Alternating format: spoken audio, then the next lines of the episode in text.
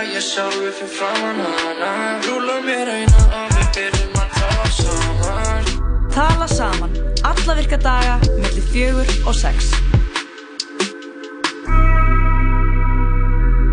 Það held ég nú. Tala saman. Ekki, með Jú. Lóu og Jakobi. Á þessum uh, fallega fymtu degi. Svo til í þetta. Það er líka fortíðar 50 dagur. Já, það er svo kallar fortíða fymtudagur, þú segir það. Uh, já, þetta er sneisa fullur fymtudagur, það er eitt sem ég veit. Um, við verðum hér til klukkan 6 og við ætlum aðeins að fara yfir svona byrja þetta aðeins að fara yfir kannski, já, Sko, við erum- tónlist frá árunni 2002. Klálega, við erum með sko, hérna, við erum með árið 2002. Svona, Já, já, við erum árið 2002 og við erum með svona smá létt throwback já, til uh, þessa ás. Og hvað var líka að gerast í popkultúr árið 2002. emitt. það er, þetta var crazy ár, ég var líka ég man alveg eftir mikið af þessu sko eins og Já. þetta er árið sem að sko Michael Jackson heldur barninu sinu anna yfir götunni það er svona, hann er með heldur á barninu sinu, það er nýjum mánu gamalt og heldur í svona yfir svö, út á, sendur út á svölum og Mm. lætur að dangla einhvern veginn yfir götunni Og þú manst svona í alvörun eftir þessu. Ég man í alveg eftir þessu líka út af því að á þessum tíma þá uh, var ég alltaf að spila tölvuleik Mhm. inn á svona tölvuleika síðu þar sem að ég var svona að grípa badnið sem að Michael, börn sem Michael Jackson hendi fram úr þarna af svölunum með svona körfu. Þetta var Vá. svona tölvuleikur sem ég var að spila þegar ég var svona nýjara Ok, það hljómar heldur þessi tölvuleikur sem til að þá.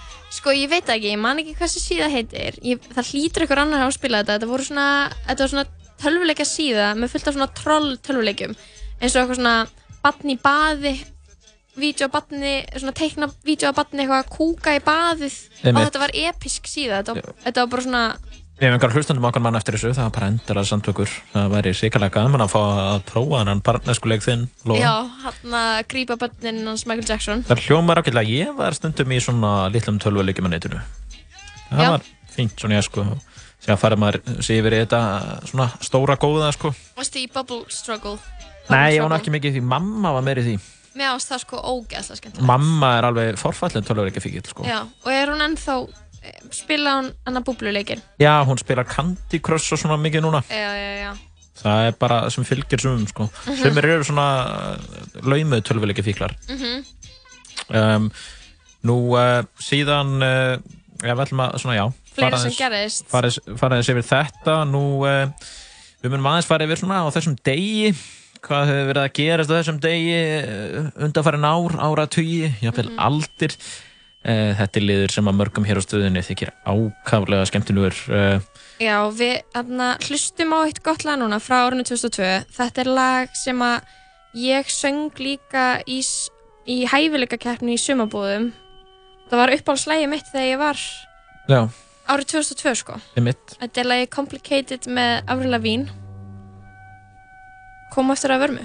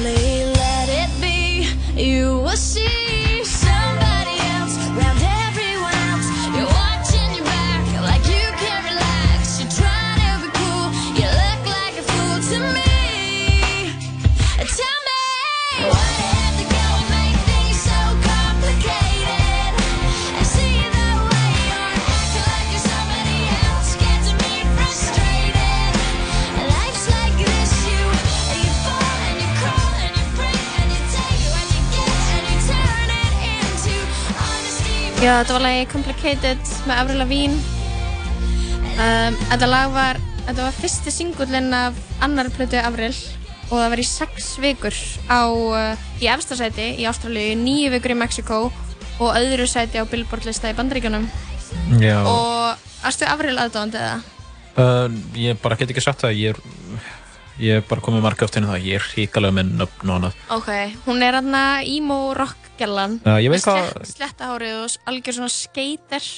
Ég hef heyrt þetta lag á þér, það er skemmtilegt, ég hef gaman að því. Mm Nú, uh, uh, lengur uh, eftirsætti í Mexiko en, en Ástralíu.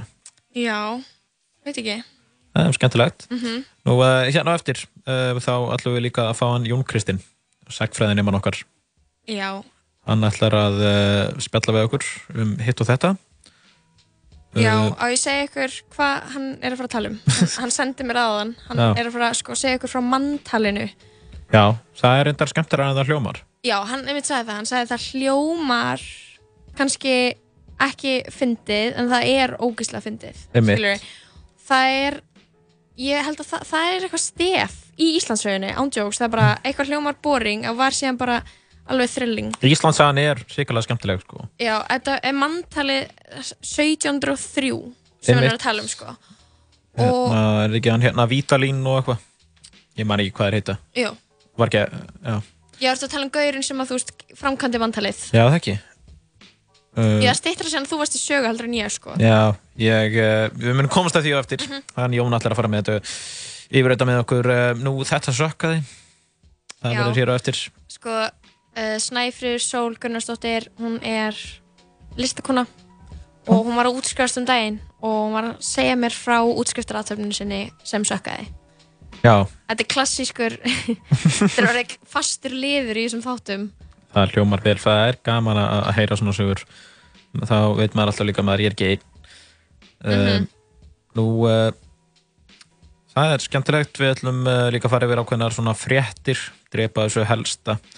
En Mhm. uh, við ætlum líka að fara í það sem við erum búin að lofa hlustendum og það er á þessum degi. Ég er svo spennt. Þetta er liður sem að sumir gjör sannlega trillast yfir. Uh, við höfum verið meira efasemdar fólk um, um þennan lið en uh, við ætlum samt að halda, halda þetta til streitu. Sko, 11. júni er til að byrja með 190. annar dagur ársins. 11. júli. Já, júli. Þú sagði júni. Já, óvart. Ok, það er 11. júli í dag. 190. annar dagur ársins og 193. á hlaupa árið, sko. Uh, og þetta er samkvæmt gregoríska tímatalinu. Vá. En það þýðir, náttúrulega, hárið, árið sé náttúrulega gott betur en hálnað, sko, meir en hálnað. Já, einmitt, það er meira en hálnað. Sko, En- við förum aðeins bara svo, svolítið aftarlega, sko, árið 138. Ok. Antoninus Pius var krýndur keisari Rómar. Ok, savage. Núna myndi einhverjur út af stöðinni. Ha, í alvöru? Veistu hver Antoninus Pius var eða? Ég, Mm. mm, krýndur keisari í Róm, Rómaöldi. Ég held hann hafi, uh, minnir hann hafi bara verið svona frekar nútral keisari og ekki gerst neitt. Neitt skada. Já, Hann, hann, stýrði ekki mjög lengi en hann, hann var svona almennt vel liðin. einmitt, hann er, jú, hann er í raun og veru svona, hann var hinn fjóruði af svonumdu fimmkóðu keisarunum, sko. Þannig að þetta er skarpa aðtæða hjá þér. Þetta er, uh, þú varst að góð í sögu í mentaskóla. Uh, já, þegar ég þurft, þegar að, það lá mikið undir, skilur Einmitt. þá náði ég alveg að, að fá fínar einhvernir, sko. Sko, Það sem, það sem minnst erfitt er að það svo mikið af nöfnum til að muna. einmitt, ég var aldrei sérstaklega góður í þessu rómverska dæmi, sko, vegna þess að ég nefndi ekki að læra röðuna og eitthvað. Það var einhver leti í mér á þeim tíma. Nú, alþingi árið 1800 var afnumið með konungleiri tilskipun og þessu stað stopnaður landsyfirréttur. Ok, svo stopnuðum við bara alþingi aftur setna.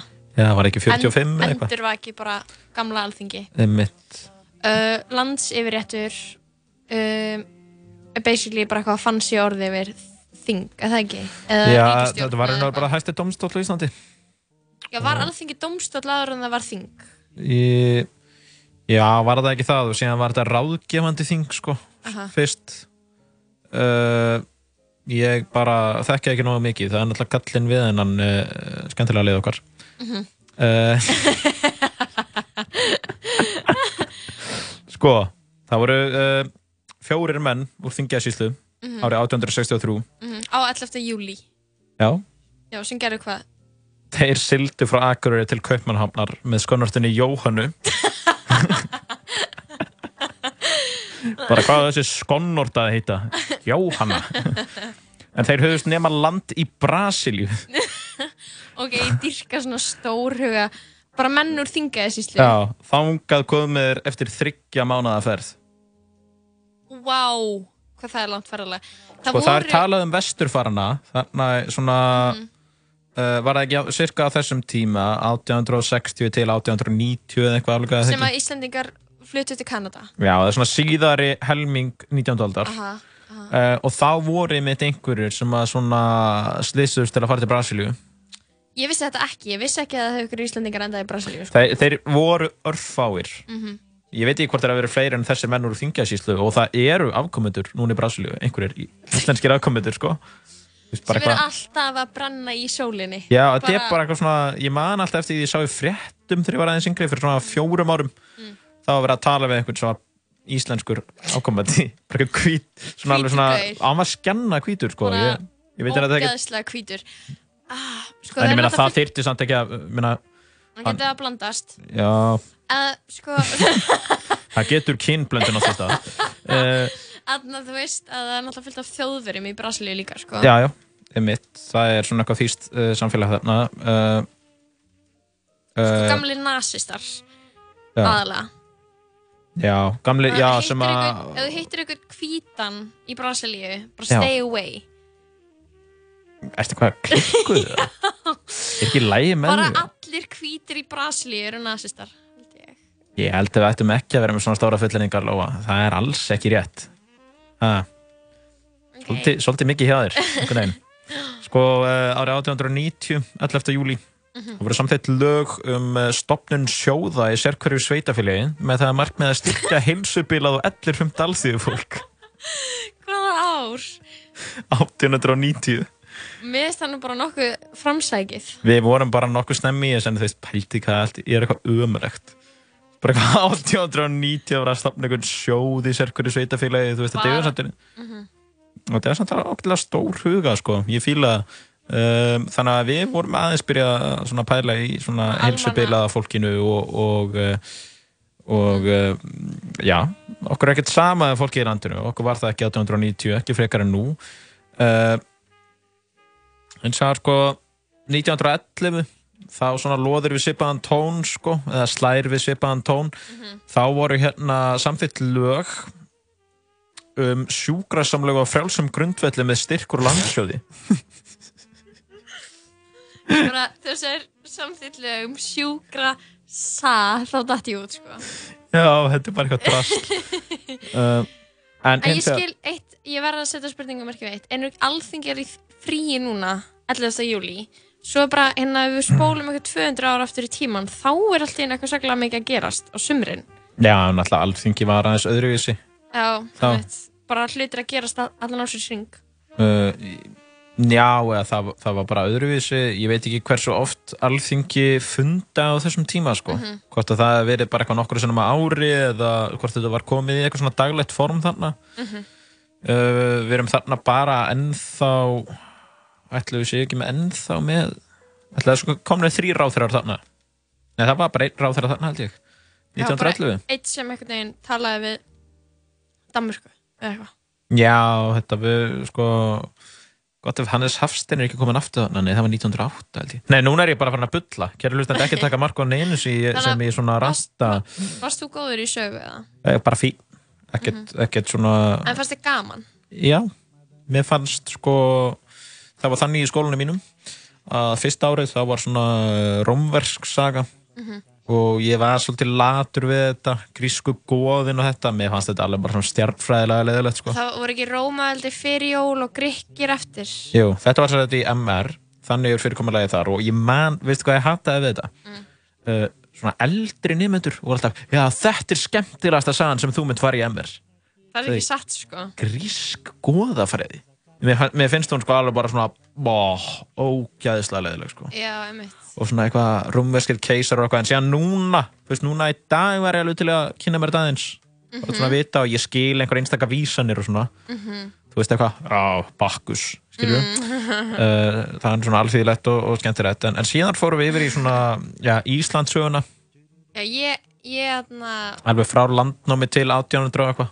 Ég var eitthvað svona, það var eitthvað svona kapli í Íslandsögunni sem bara svona Ég var bara, ok, það gerðist ekkert. Mm. Ég, mynd, ég og Jón höfum tekið þessa umræðu. Maður hugsa bara, ok, það, það gerðist ekkert áhugavert. Nei, en það er út af því að, þú veist, Jón vildi meina að það væri eitthvað svona einhverju fordómar í mér og ég væri bara svona of upptekinn af heimsögunni og þessi saga skipti máli líka og bla bla bla skilur Einmitt. en uh, þú veist, það eru kaplar sem heita bara, þú veist, girðingamálið já, stóra mitt og maður er eitthvað, já, ég, mér fannst þetta allt skemmtilegast sko. já, og ég man, þú veist bara hérna þú veist, líka líka orustunar Mhm. veist, kasta steinum í hinn bátinn og eitthvað. Og þetta verður svo skemmtilegt þegar maður byrjar að lesa þetta. Þetta er fyndið, sko. Og síðan fer maður náttúrulega í þetta hérna fullveldisbaratuna á þetta sko. Og þá byrja að leikara æsast maður Já, en það sem, það sem kemur í ljós er að þegar það er sagt, ok, þarna verða hlutinir áhugaverðir í Íslandsögunni þá var það allt, ég man að það var rosalega mikið svona antiklímaks í mörgu. mm. Að bara, nú ætla þær að grípa til stórtækra aðgerða, þá, þá þýtti það í raun bara að þeir, þú veist, fóru á hestbakki norður, uh, nei, söður og stöð, stoppuðu fyrir utan eitthvað hús Einmitt. og fóru. Skilur, þetta var allt, oft þú veist, menn voru eitthvað veikir. Já, það var haldur eitthvað og var kannski ekki neitt að gerast Nei. en það var ólga skilur Einmitt, það er verið að maður stendur upp í kirkju. Veist, þetta var, og maður er eitthvað já, býtu, en annars þar í heiminum þú kannski bara einhverju svona, kannski meira crazy hlutur að gerast, vera að skjóta okkur þannig. Hérna var bara að henda stein í bát eða standa upp í kirkju. Einmitt, hann stóð upp í kirkjun og mótmælti út í að presturinn talaði svo lágt. Já, einmitt, þú veist bara, þú veist, paldið, það var bara mál. Prestur sem talaði svo lágt, þetta eru brjálaði með þér þetta er svona þetta var svolítið svona skrítið og síðan er alltaf talað um eitthvað svona undir öldu í samfélaginu. Þú veist, 1800 og eitthvað. Það er svona erfitt að líta tilbaka og reyna eitthvað að finna fyrir henni. Einmitt líka, hvernig var fólkið? Bara eitthvað svona, já, já eitthvað. mér líður þess að allir hafi talað öðru í svona tíma. Svona, já, já, já, með svona öðru í sér Svona. það er eitthvað, ég er búin að gera þetta og þetta eitthvað svona, mér líður eins og við, við svona tölum öðru í sér svona bara öðru í sér rattbeitingu sko. já, klálega. Ég, ég hef hort á viðtöl svona eitthvað svona, ég hef hort á viðtöl ég hef hort á viðtöl, bara eitthvað svona YouTube myndbönd frá 70s, mér finnst fólk talaður í þessu þá Með mitt, það tala svipað þú veist, Mhm. en, en öðruvís heldur en í dag hörðu, hérna er samt sko, náttúrulega Klálega búið 1911, að er ekki feminista 50 dagur? Jú, Já, það er konungur staðfesti lögum jafnir rétt kvenna og við karla til mentunar og embæta. Wú, á hvað ári? Frumverfið flutti Hannes Hafstein, heyrðu. Hannes. Hafstein varna 1911. Hvað ári? 1911, 1911 11. júli. Heyrðu, uh, þannig að það er bara, herrðu flott. Mhm. Það gerðist margt hennar dag, maður. Uh, eitt líka, Mhm. núna er svolítið skemmtilegt.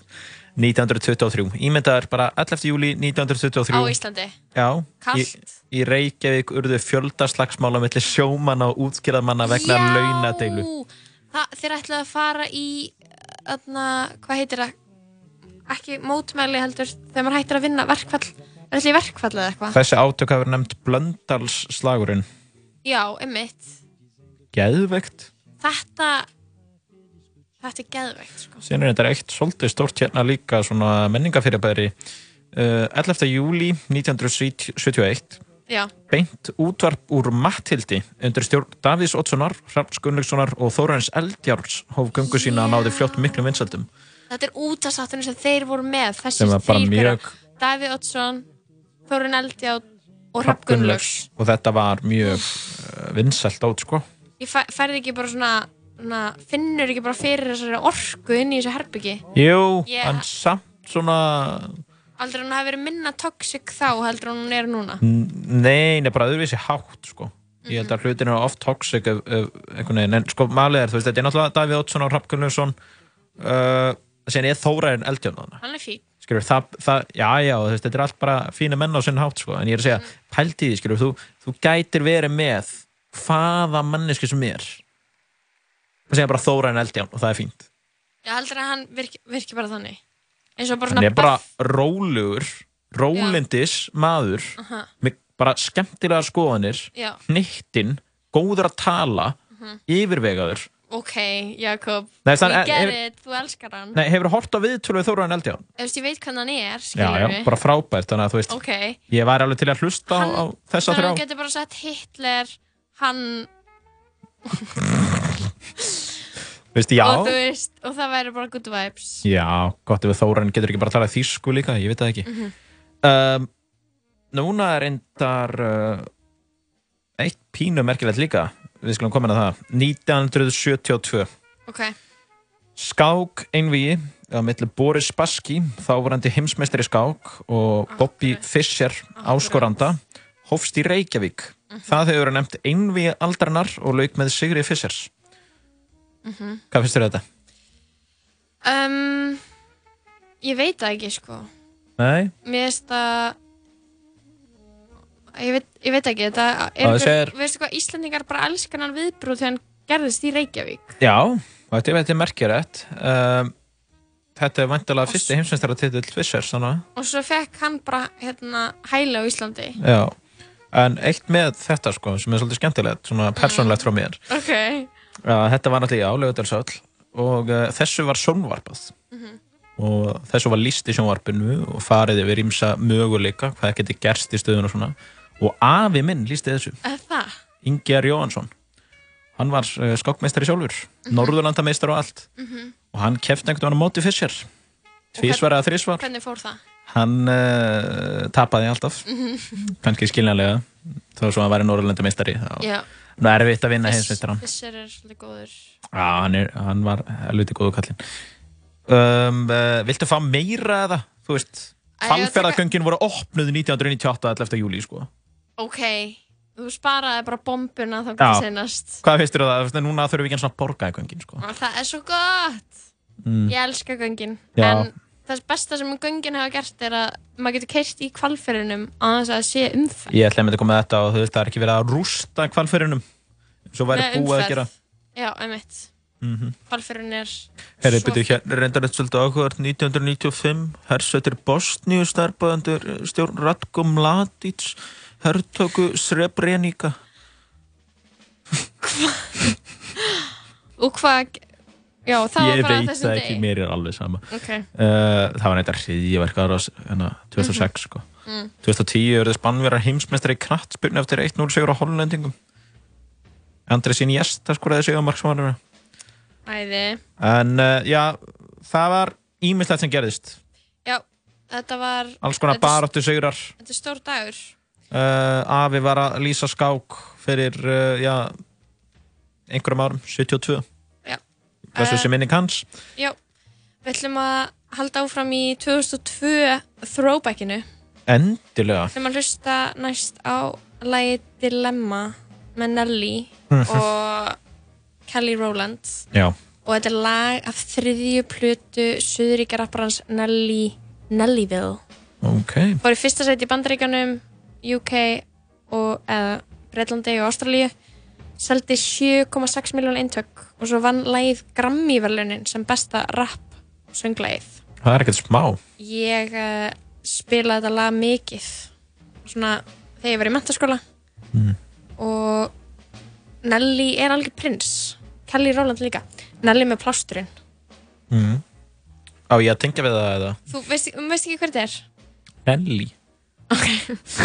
Herru, hérna er lægi Dilemma.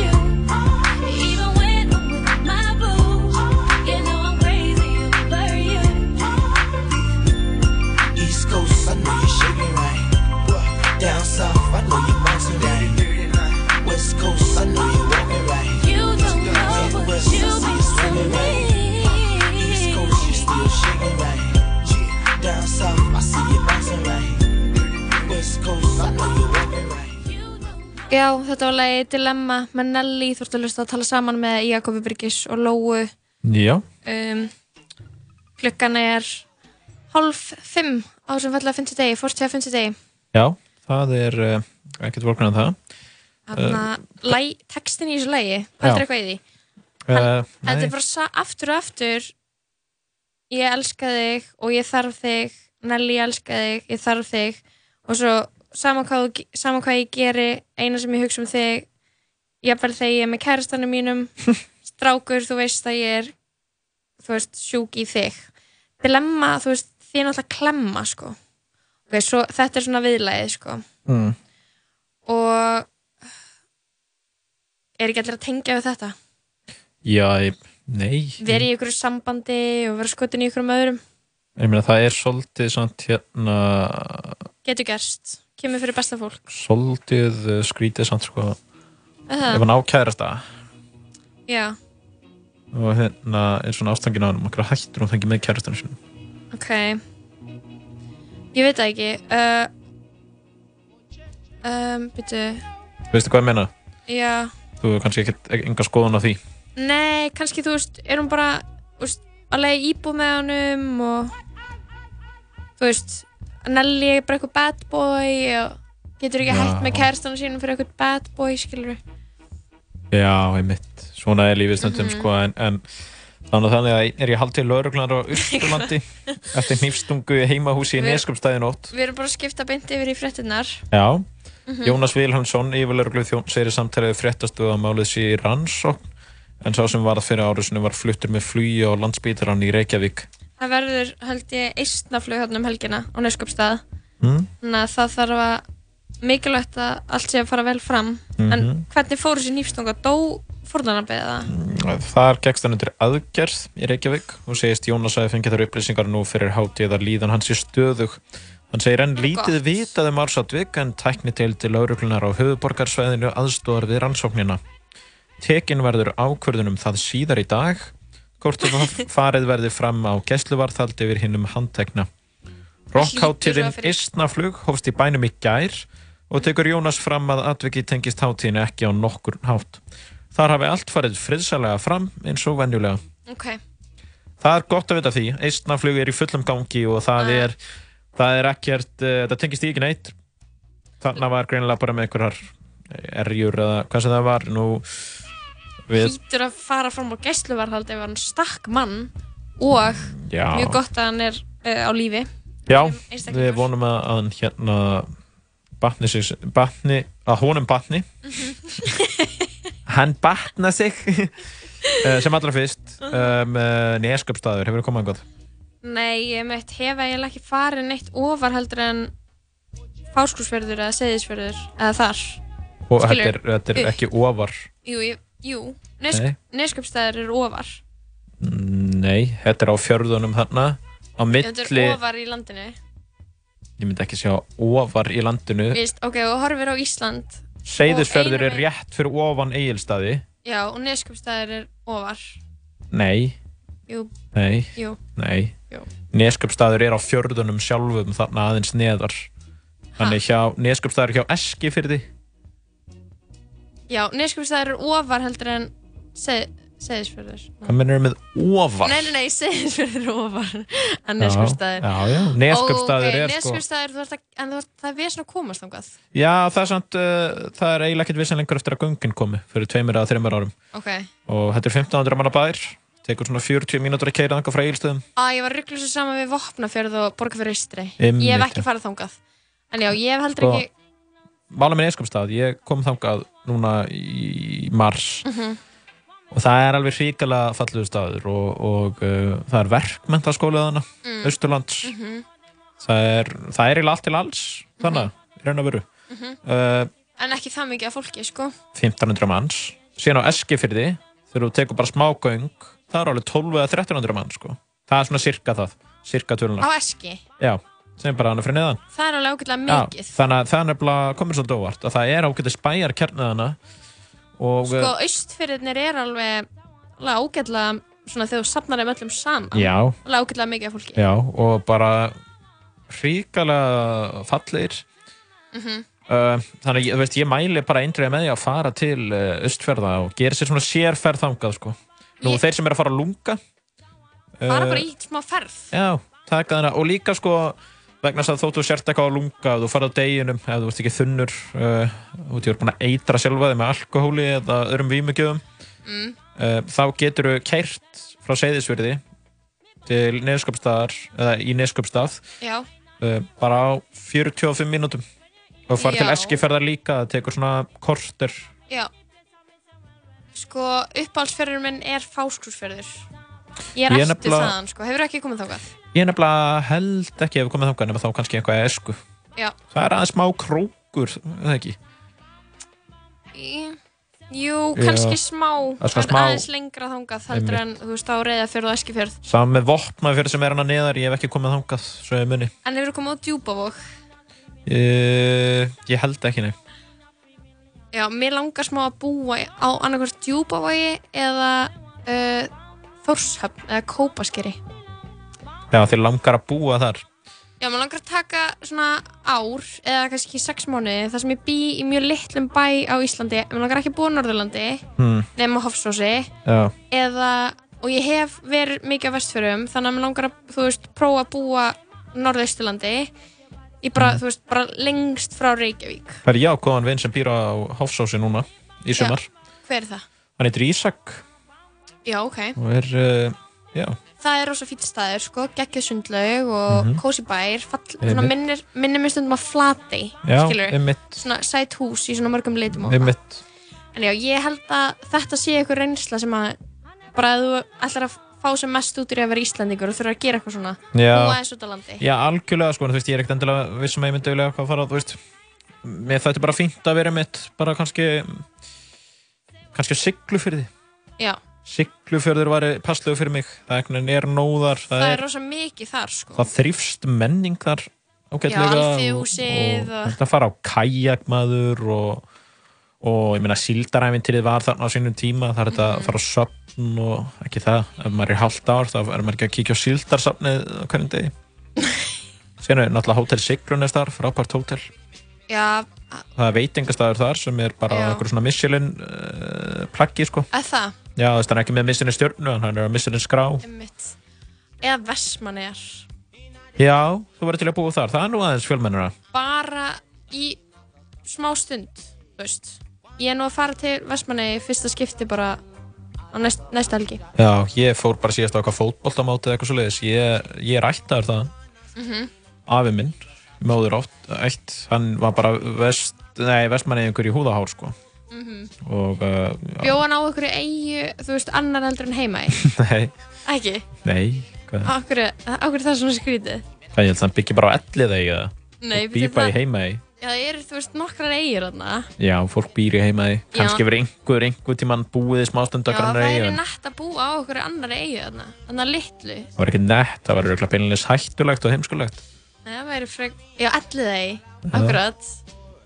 Það væri geðast að búa þar. Nei, það held ég ekki Vestmanniðar er hins vegar aðeins önnur alveg Það er hérna heima í Mhm. afsakið um, Allar á þjóðháttíð Nei. Hefurðu Ég farið? fer ekki að þjóðatíð, sko. Það er ekki mitt, það er ekki mitt væp. Nei, hefur þú sótt þessa hátíð? Nei, uh, ég er bara, þú veist, er bara, ég veit bara hvað ég vil í lífinu og ég vil ekki vera full í vestmanniðum Mhm. með fólki. Nei, ég bara skil það vel En- Ég hef uh, svolítið uh, verið á sama svona báti og þú Þess vegna er ég að fara núna, um hel núna næstu helgi, skilur við. Mhm. Þannig ég geti upplegað vestmanniðar, einhvern veginn ekki í, veist, því mengi. Ég samhengi. ætlaði nefnilega síðan sumar að að kíkja eins til Vestmanniða með einhverjum góðum vinni og já, bara finna okkur gistingu og, og tala við heimamenn Mhm. Það sem ég held að mikilvægast, mikilvægast þegar maður er að ferðast almennt er að tala við heimafólk, saman hvort Mhm. það er á Íslandi eða, eða Erlendis. Já, það er ekkert alltaf svo auðvelt. Ekki maður mætir á eitthvað stað og maður er bara feiminn og veit ekki hvern maður á að tala Jafnvel í við. landi sem að, þar sem kannski ekki margir tala ennsku í smábæjum og svona. Aha, En ég ætla að mér sverðast um Breitland síðastu sumar. já, Uh, og þá fór maður alls konar svona, já, maður getur kallað krummaskuð Mhm. og maður bara svona spurði kannski, maður fór hún á kaffús og spurðist bara svona aðeins fyrir og, og fólk tók vel í það og fekk kannski skemmtilega sögur og sem var kannski eitthvað næsta borði sem heyrði að maður var að spyrja og fór að gefa sig á tala um hann og Svo opið og kurtist fólk í Breitlandi sko, Já. í sveitinni, Við Ek, ekki í London, nei, en þú í og sveitinni York. sko. Og djömmuðu bara með einhvern gæja. Já, Já, djömmuðum, þetta var 50 maður. Við vorum bara Brian from Middlesbrough. Já, pöppinum. Já, Sko ég fór, ég var líka í ennsku sveitinni í fyrra, semstu sumar og ég var í smábæ sem heitir Arundel og Já. í uh, Norfolk, æ, í S, nei, betur, oh, ég man ekki hvað síslan heitir. Nei, nei. Anna, skiptir ekki máli, það var svona algjör smábær Mhm. og maður bara minglaði við lókalinn, það var bara svo auðvelt.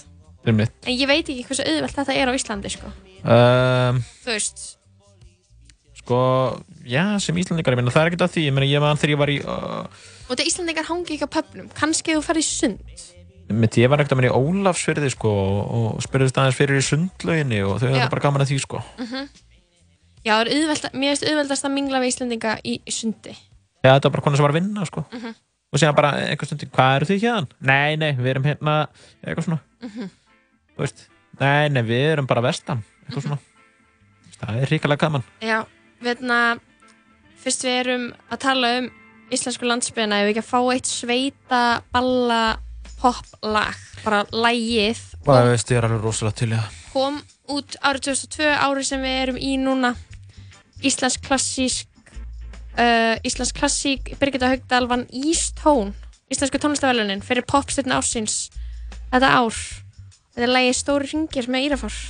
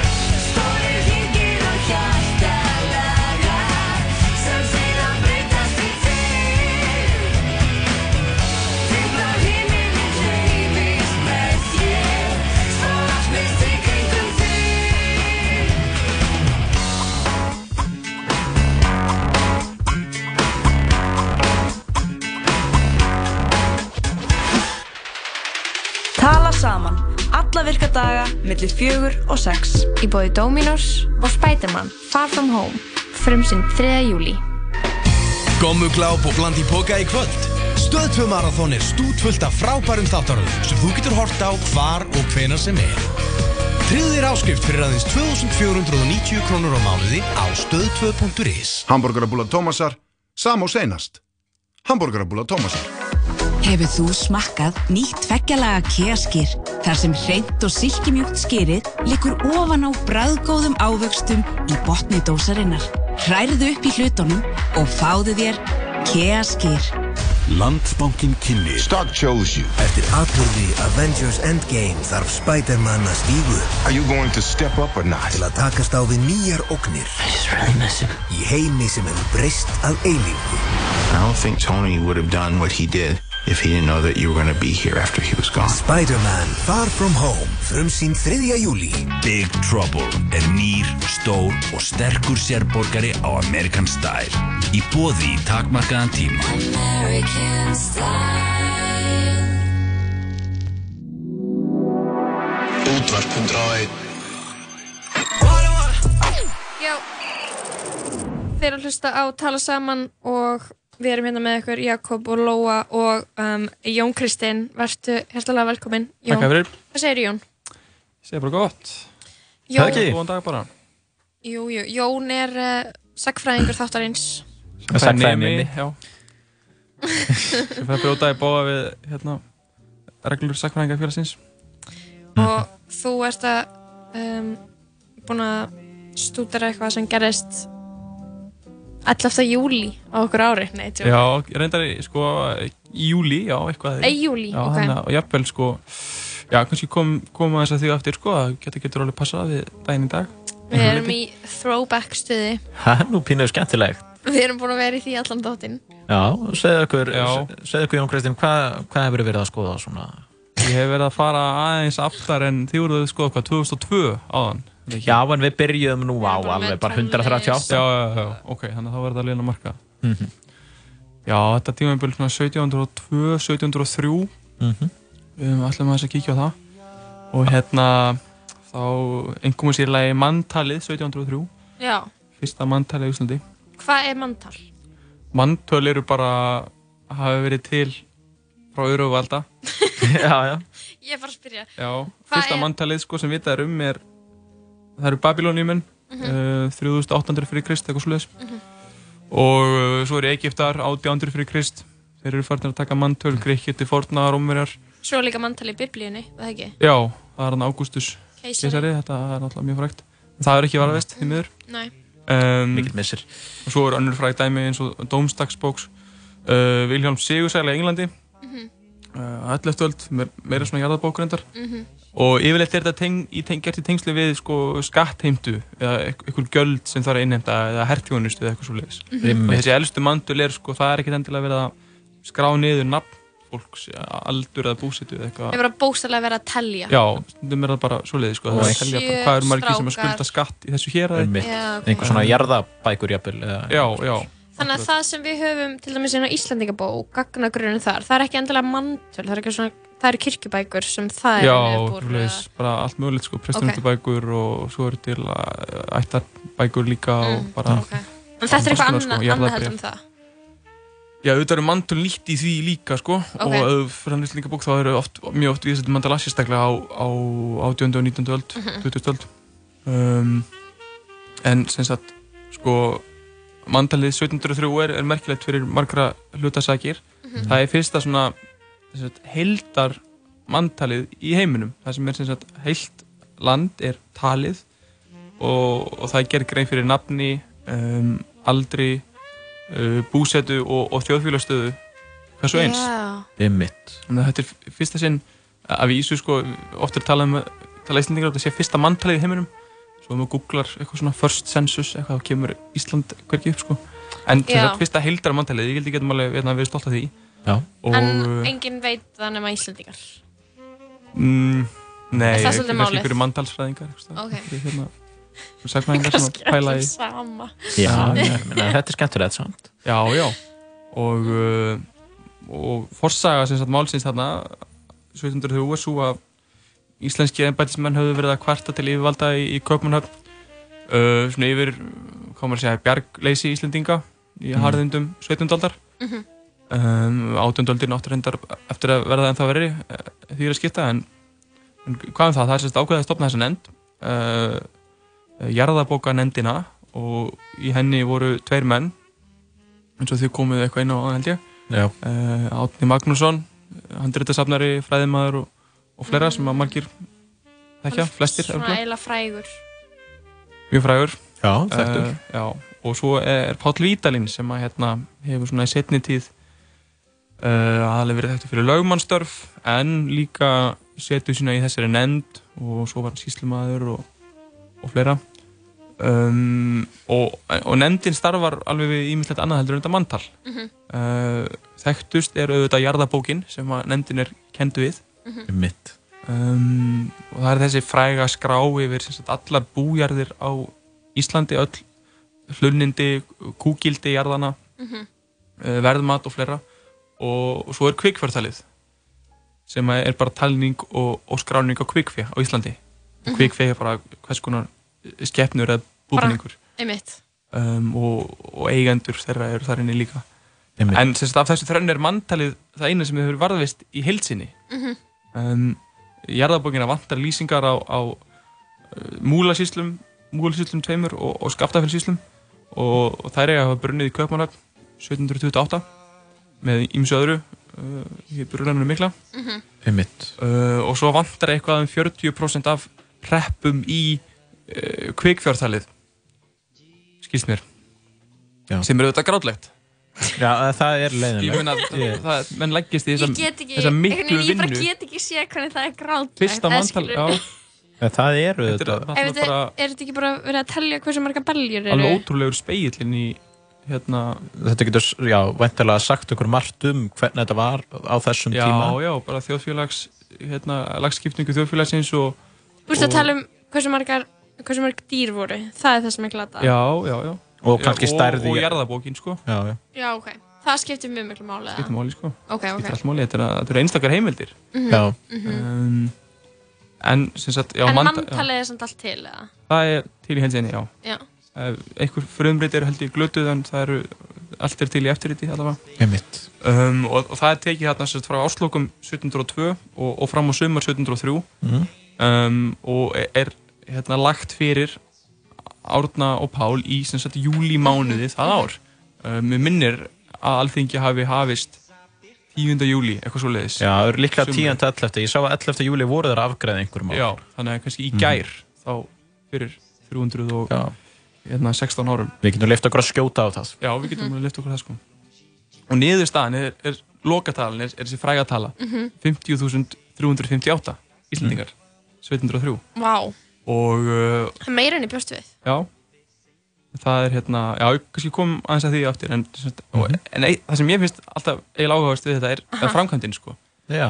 um, maður hugsa kannski og ég gera það allavega á sínum tíma hér út um einhverja nefnd og, og hún hlýtur bara að sjá um þetta, bara þeir, þeir tveir bara, bara telja Já. og þetta er svolítið svona romantist, þeir ganga á milli bæja og spyrja já, halló uh, Bara getum við Hérna- fengið að sjá alla hérna. já, eitthvað, já, hvað eru þið mörg hér uh, já, aldur og eitthvað svona Uh um, en það var ekki beint þannig þetta var þannig að síslumenn og, og prestar í hverju síslu prófastæmi um, bara fengu leiðbenningar sem að þeir lítið svo ganga til reppstjóra og það Mm. voru þeir sem svo sáu um hérna eiginlegu talningu Já, ok. sem að hérna Bara hver reppur taldi fyrir sig. Já, og, og, og það var allur gangur á því sko hvort þeir fóru um hreppin og, og skoðuðu hvern bæ eða hvort fólki í, í hreppnum var einfallega bara beðið um að koma á ákveðin stað á ákveðinum tíma og sagt, gera grein fyrir íbúum hvers bæs, mm Mhm. bílis Einmitt. og þetta er ekki, það er ekki prentu stöðlu eðublöð um, það er bara hver og einn fyllir inn, hver og einn hreppstjóri bara fyllir inn Mhm. eftir sínu höfði á það brefsetni sem hann hefur Mhm. til umræða og þess vegna var til dæmis talað um pappirskort Já, sem já. enda stóð yfir um, og, og þannig að þess vegna er þetta svona kannski ekki beint að við og dreif en þetta er þetta er ekki, ekki eitthvað svona stór bók vantalið, þetta er eitthvað svona eitthvað pappír sem er hér og þar. Einmitt. og, uh, og þetta er náttúrulega hluti af, af stefnu danskra stjórnálda átjöndu öld sem er þessi aukna miðstyrring og, og Mhm. skrásetning sem við hefum nú eitthvað komið inn á hérna Já. kameralismin Mhm. um, og, og sakfræðingar eins og Vilhelm Vilhelmsson hafa nú bent á að það sé nú hægt að horfa þetta frá tveimur hliðum Mhm. um, þetta er líka sagt, þetta er ekki bara einhver frábær einsinn inn í e, líf á Íslandi í byrjun átundaldar heldur er hérna líka ríkisvaldið að, að stíga inn í líf þegnana með uh, fordæmulusum hætti á þeim tíma. Að hafa meira eftirlit með þeim og svona um, auka ögun ef svo má orðið komast. Mhm. um, Setur tónin Já, þetta er svona setur tónin fyrir þetta nútíma stjórnsýslu á Íslandi. Þetta er kannski, ég held að uh, sakvaræðingar hafi talað um sé svona fyrsta stóra stjórnsýslu framkvæmdin Mhm. í Íslandsögunni Mhm. um, Og hvað þú veist, hvernig er fólk síðan, hvernig í þessu mantali bara vera að lýsa, þú veist, íbúðunum, Já, skilur við? sko, það er náttúrulega, við náttúrulega búum svo vel að því að þjóðskjálasafnið sem að geymir þessar heimildir er búið að um, sem sagt, setja upp gagnangurinn, mantal.is sem ég hveit alla til þess að skoða um, ég, ég hérna laðist í smá rannsóknarvinni fyrir áttinn og, og ég fann engar lóur í mantalinu Engar lóur? um, það eru einhverjir Jakobar Já, ég ætla nú rétt að vona það um, er við erum með hérna. Jakob Grím Olfsson uh, hann er Það er alveg betra heldur en Jakob Birgis. Já, sveitar ómægi í Skagafjörðarsýslu, 10 ára. Um, Ómægi er bara svona eins og heimil, heim, svona... Já, ómægi er bara eitthvað sem getur ekki séð fyrir sér. Ó, Og hérna ok. er, og Er undir fór, er, þú veist, Já, þykkur styrk frá hreppnum. ok, ok. Um, Síðan er annað sem er dálítið skemmtilegt með þetta þú getur valið síðan manntal út frá þessu vegna þess að það hefur náttúrulega verið gerð fleiri manntöl já, já, akkurat. Þetta er skemmtilegt Það er svolítið gaman að blaða þessu sko. sko maður getur skoðað rauninni rent í gegnum svolítið lífsferil fólks í gegnum þessi manntöl, sko. sérstaklega þegar það verða að líða á 19. öldina og þau eru tekið nokkar reglulega. Einmitt. Það var þetta alveg dásamlegar heimildir, sko. Mm. Um, Þannig að maður getur í rauninni farað það inn og maður getur skrifað líka bæ, þannig að maður er ættaður úr ykkur sveit. já, Þá getur þú skrifa nafni á bænum sem kannski, þú veist, sveitin sem maður er frá. þú átt að geta gert það, það er hérna ítarleit smellar á það, Mhm. þá, ertu kom, þá getur þú leitað að bæ og, og sókn og síslu og öllu mögulegu sko. Einmitt. það er alveg mjög vel gert hjá þeim á, á þjóðskjálasöfnunu um, en sko svo eru náttúrulega pælingar um það hvort það hafi ekki vantað einhverja í mandalið Mhm. og hérna Helgi Skúli eh, Kjartansson sakfræðingur, hann hefur til dæmis bent á að það vanti við þeir inn í mandalið Já. og hún vilist einhvern veginn hafa fallið að milli sem sagt vegna þess að hún Brá, bara glemst. tilheyrði, já, Antmanninu og Bæsastöðum en er tæknilega séð inn í Mósfellsveit en uh, vegna þess að hreppstjórnir í Mósfellsveit hafa hefðu aldrei haft einn afskipti af við þá hefur hún einhvern veginn fallað að milli Mhm. um, það er enginn váð því að það var fólk sem bjóði við á þessum tíma og uh, en svona sakfræðingar telja að þetta sé svona ekki til mark sem það að það vanti margt annað inn í manntalið þetta sé eitthvað svona sérstakt bara okay.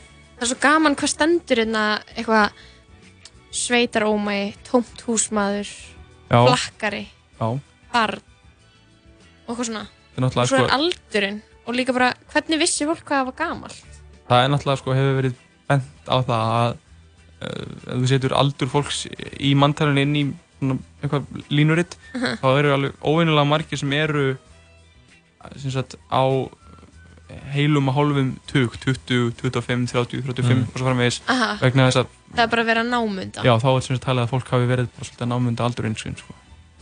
Hvernig hefur þetta verið uh, kannski ef það komin eitthvað ákveðin aldur þá þurftur að borga eitthvað gjöld eða eitthvað svoleiðis hefur verið eitthvað svoleiðis og þá hefur kannski fólk verið að uh, ljúa til um aldur eða eitthvað svoleiðis eða það hefur kannski Um, ekkert Nei, sko, ég held ekki ég, ég veit, Gjöldin eru aðalega í tengslu við sem sagt, sko. Eða leigu á jörðum eða hérna, eitthvað svo leiði sko.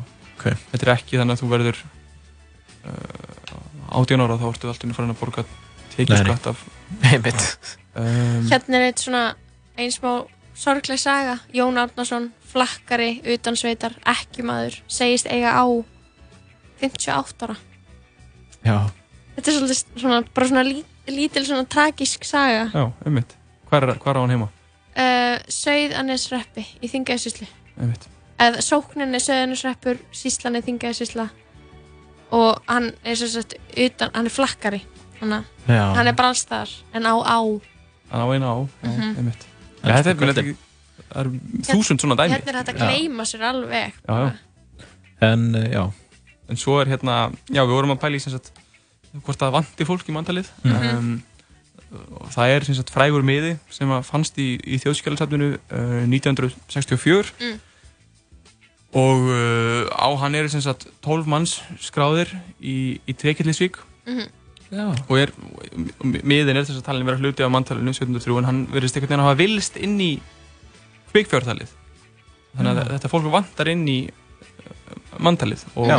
það voru einhverjir ánum sem voru skráðir sem sagt fyrir í manntalið sjálft og þannig tvíteknir en Mhm. sem sagt, það talaði með þessum miða þá bætist að það bættust áttamanns inn í uh, manntalið 1703 Mhm. 1964 um, þannig að talan sem er sem sagt, myndast á hans 50.358 ætti í rauninni að vera 50.366 Já, þannig að talan er á reiki. Já, þannig að nú sjáum við hvernig sko, það er alltaf eitthvað nýtt að gerast Já, já, og, og það er Trekillisvík, það er aldrei Já, skemmtilegt. já, já, á, já. á ströndum. Já, já, akkurat, mikið rétt Fínasti staður. Það er nú hafa verið einhverja galdrabrennur og það ekki í, í den. Galdrasafni, Eh, skemmtilegt. Já, það er eitthvað kannski á reiki líka. Eh, Já, það er einhverjar brennur allavega, það er einhver hérna einhver deilumálum staðinn sjálf Já, já, við skulum fara varlega með að alhæfa um það. Skulum varlega til það Já. Um, en sagt, eftir að þetta, þetta er gert þá virðist manntalið ekki hafa verið notan eftir sérstaklega mikið næstu áratugi Mm. þó eru deilur um það um, en sagt, það var ekki fyrir en sent á þessu átjöndu öld sem að Skúli Magnússon fer að krukka eitthvað í því þannig að þetta er kannski svolítið lýsandi sko. það er þessi áhersla á skrásetningu og halda öll til haga og, og þetta miðstyrir ríksvald en svo er kannski eh, það er ekki mikið gert, það kannski skilar sér ekkert í neitt sérstaklega miklu Mhm. Nei. en svo loksins 1928 er manntalið sendt til Íslands á þjóðskjólasafni með henni fæðu dönsku sendingu þar sem ímislegt annað var sendt Búið að vera að geima í Danmarku þangu til. Já. Eins og hvað, mikið af íslenskum skjölum eða? Já, það var töluvert af íslenskum skjölum sem voru sendt hingað þarna 28 Svo, mi Eh, svo mikið vesen að við erum á okkur eigu þarna, við erum að geima skjölin okkar í Danmarku. Það er svolítið veginn Það er vesen, sko. Það er dæmis, þess vegna er mikið að- að- Það hefur verið bent á það, já. mikið, að- mikið að skjölum á handreitasöfnum hérna sem eru eftirrit sko og Mhm. íslenski fræðimenn sem að fóru til þá Kaupnafnar og voru að skrifa upp einhverja brefabækur ímislegt sko. Það er ekki ennþá verið að gera það, eða? um, Er ekki eitt- Jú, jú, alveg í tölvu sko en þetta Já, er Handskrifað. Handskrifað Mhm. Eftirrit. Það er sannað Einmitt. Já. Þetta, já, hann var sagan af manntalunum 1703 Einmitt. Og hver, hver, hvernig hérna jarðabækunar, sem sagt, Já. var þetta gert í, í svona í sama hérna, sama tíma þá, eða þú veist, er, er Þetta er gert yfir lengra tímabil um, vinnan við það hefst 1702 minni mig og henni líkur ekki fyrir enn uh, 1713, 14 eitthvað svo leiðis En, en Átni og Páll enda hérna í skakkaföllum stóra bóla geisaður 1779 Einmitt. og hefur svolítið áhrif á, á þeirra vinnu. En það hefur uh, þa þeir hafa svolítið meira kannski komið að því svona Já, já, persónlega, algjörlega, þeir hafa algjörlega. þurft að flakka á milli og, og, og skrásetja sjálfur svolítið þar, Já, það er ekki, það er ekki við getum ekki útvist því til, til hreppstjórana Nei, manntalið hefur verið aðeins svona kannski þægilegra þó svo að það hefur náttúrulega verið umfangsmikið Já, já, algjörlega og jarðabækunar náttúrulega hafa verið kefnir út líka og Einmitt. fólk getur lesið, lesið í þeim Já, þetta er svolítið skemmtilegt Ég hvet, tek undir mig Jónu, hvet allir til að kíkja inn á mantal.is. Já. Fínasta aftreying. Jón Kristinn Einarsson, uh, sagfræðinemi uh, þakkaði kærlega fyrir að, að koma hingað og, og fara svona yfir uh, já, manntalið 1700 og hvað, segjum við, 2 og 3 Já, mínar ánægjan Fræð okkur um það. Manntal.is uh, kíkja endilega á það Ertu með eitthvað óskalag með Bubba? Dag, Um, Jón. Já, leyndamál fræðarinnar Já, ok. Lindarmál fræðarinnar Þú ert mikill Bubba maður, ætlar í veiði um helgina? um, Ekkert planað, en maður veit aldrei hvað gerist Nei, nei Það var aðeins að fá þig í þáttinn. Jón, eða góðan dag. Takk fyrir mig. komuna.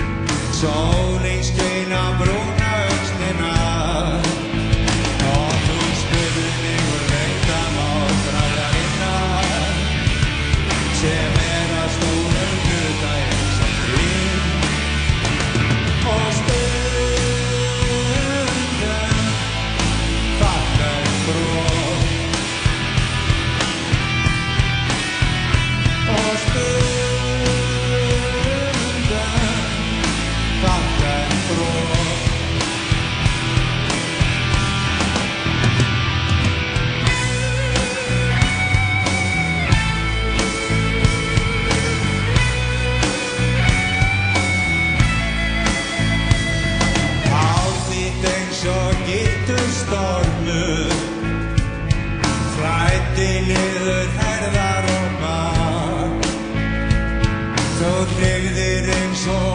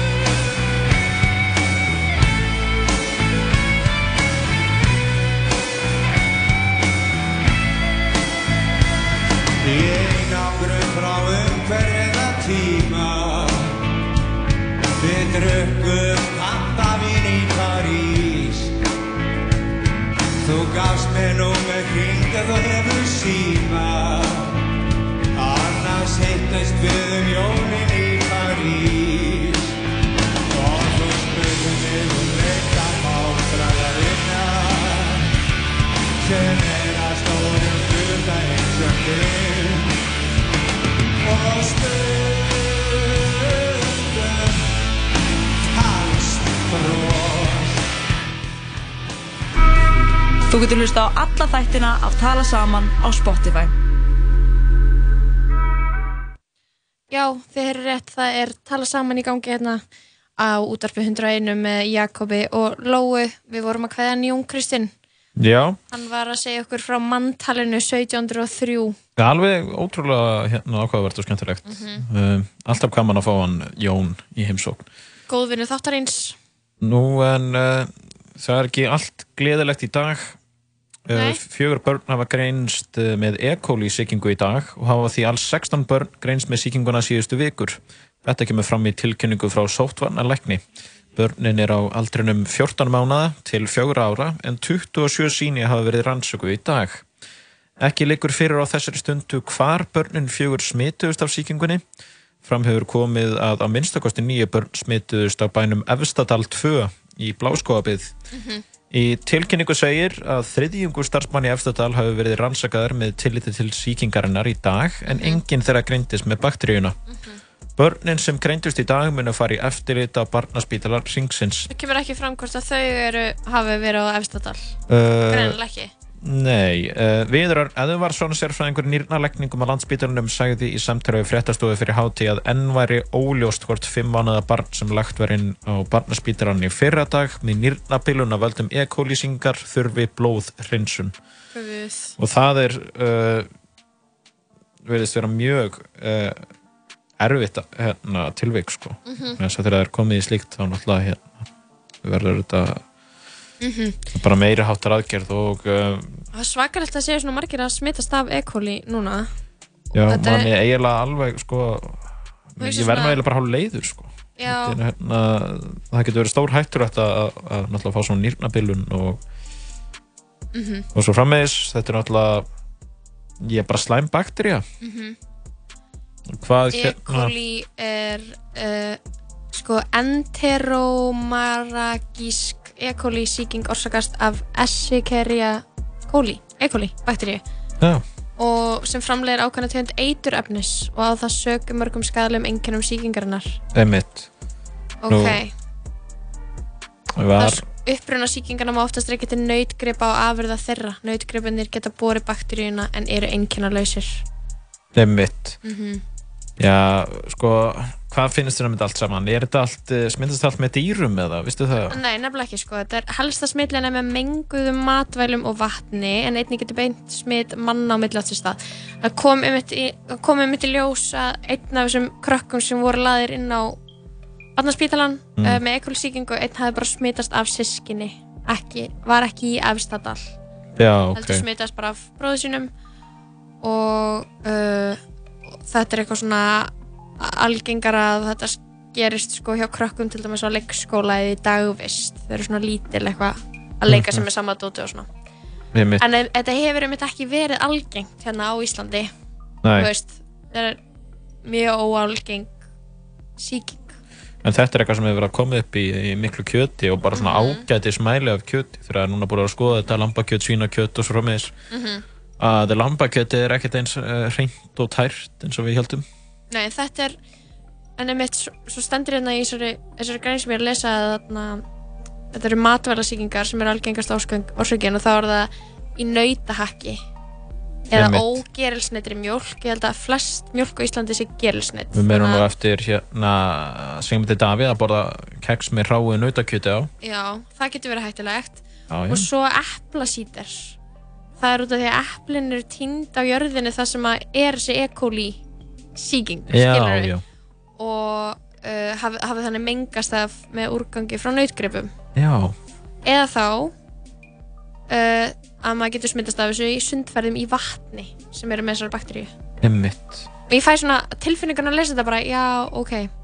Þannig að maður er hvergi þú veist Óhultur. óhulltur sko. Það, Það er svona síkt vatn og eitthvað. Æ, þetta er allt óttalega leðilegt maður svona verður Þetta, þetta er vist líka sko, þetta getur verið þannig hef ég heyrt í hlamis útlandum oft. Mhm. uh, að klakar geta stundum aldrei þessu sko, hún með vatn og Já. er klakar og það er eitthvað í klökunum. Einmitt.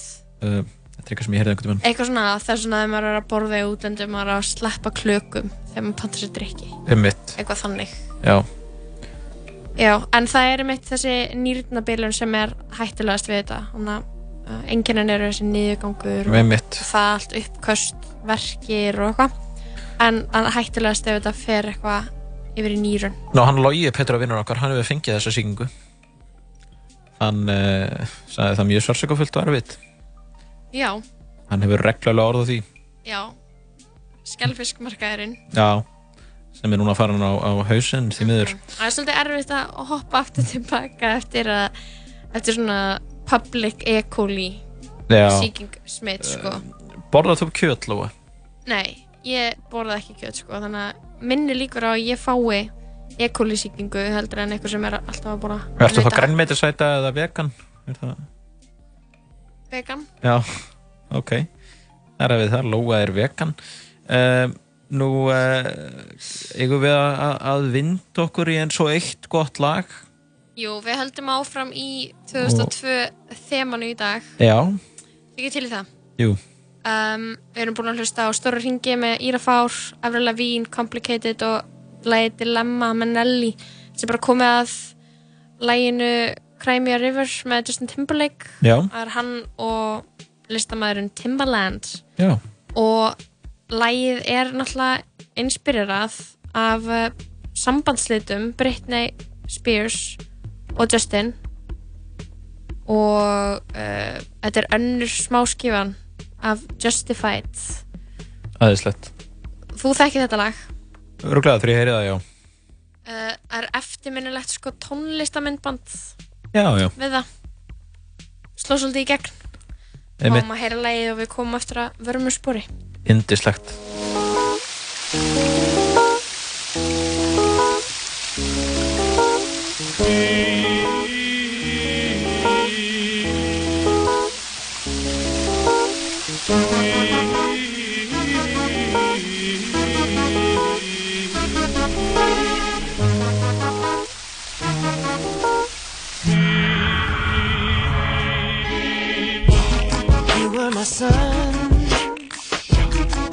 you my earth. You didn't know all the ways I loved you. No, so you took a chance, made other plans.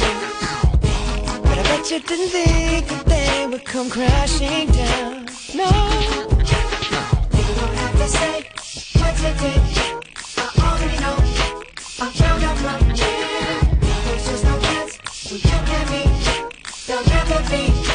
Don't it make you sad about it? Told me you love me. Why did you leave me all alone? Now you tell me you need me. When you call me on the phone. Girl, I refuse. You must have me confused with some other guy. The bridges go burn. Now it's your turn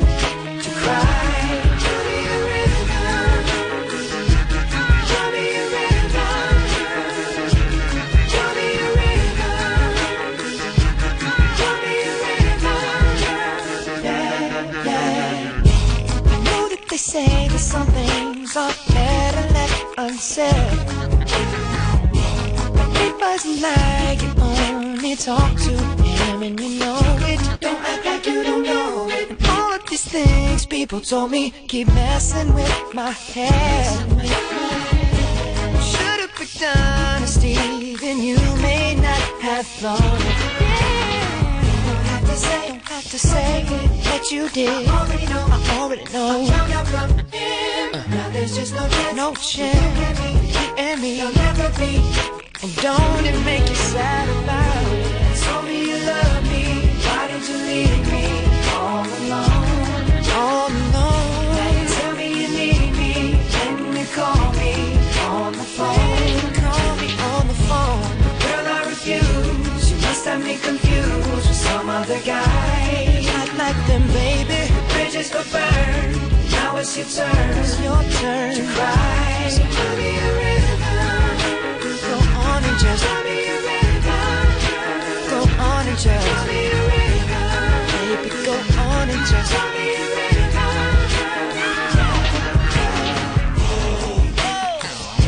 The damage is done, so I guess I'll be leaving. Damage is done, so I guess I'll be leaving. The damage is done, so I guess I'll be leaving. The damage is done, so I guess I'll be leaving. Don't have to say what you did. I already know. I already. Uh, no chance. No chance. You and me. Don't it make you sad?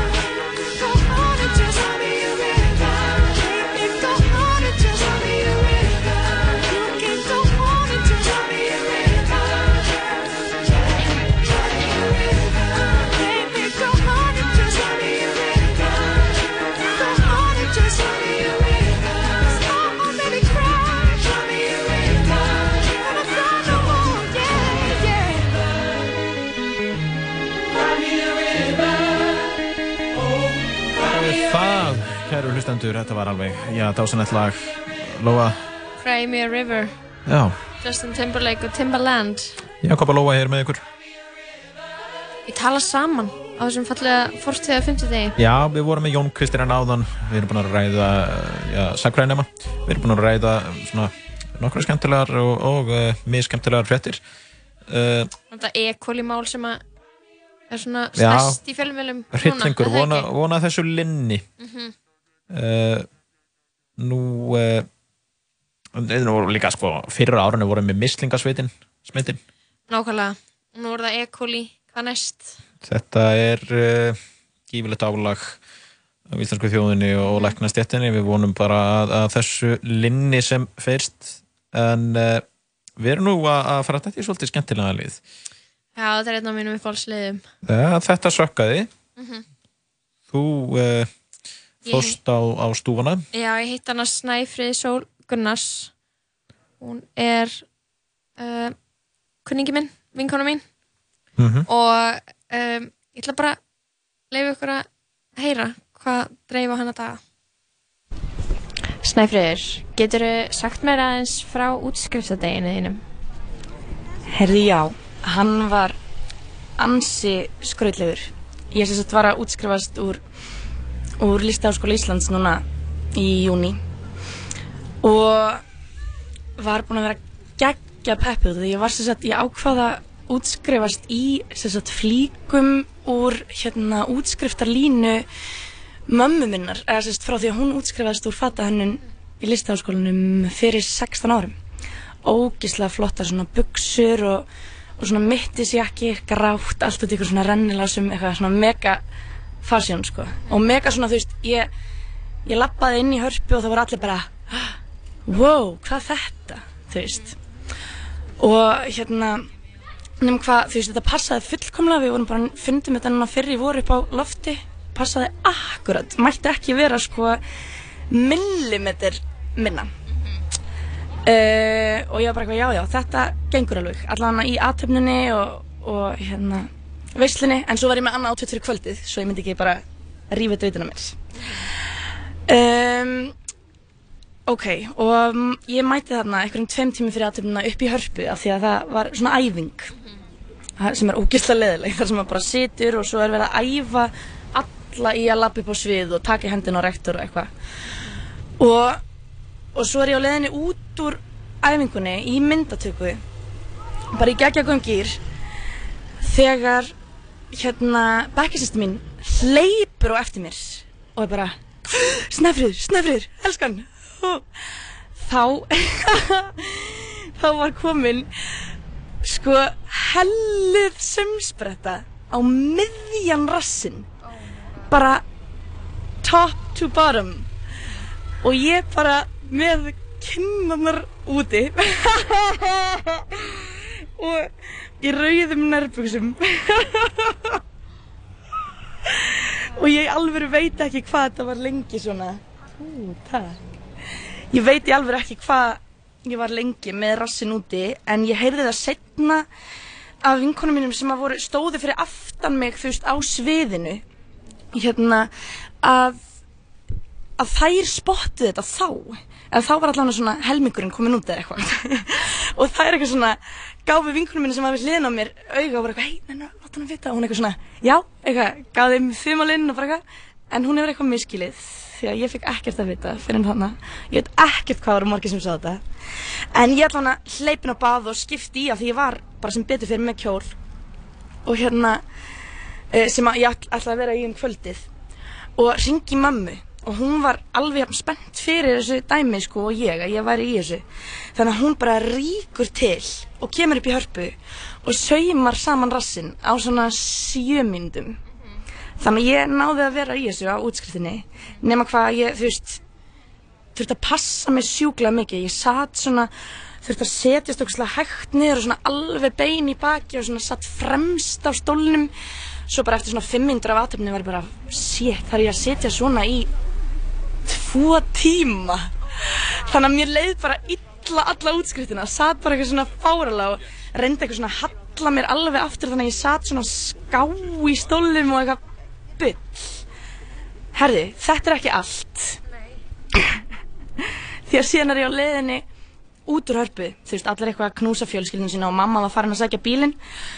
Og, og ég hérna er að hlaupa, við vorum að drífa okkur í, hérna, í veislina og fer, er bara ein hleyp, eða þú veist, er að drífa mig niður hann að stóru tröppunar í hörpu.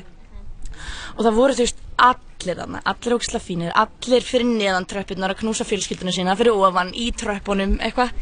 Og ég spotta hérna vinn minn og mömmu hans þegar ég er svona hraða mig niður og eitthvað svona, hæ, vinkaðum og svo bara næsta sem ég veit er að ég bara hrinn niður tröppunar bara slæta, líka þetta var sko, ég skil ekki hvernig það gerist að því ég slætaði á njánum niður svona sjö tröppur og það bara svona stoppar allt í kringum mig bara svona allir líta við að þetta var svo ógeðslega hávært fall. Ah, já. Og ég er enda meittist sem betur fyrir ekki. En hvernig leið þér þegar, þegar að, veist, þetta var allt búið að gerast? Þetta var líklegast það vandraðlegasta sem hefur komið fyrir mig, sko.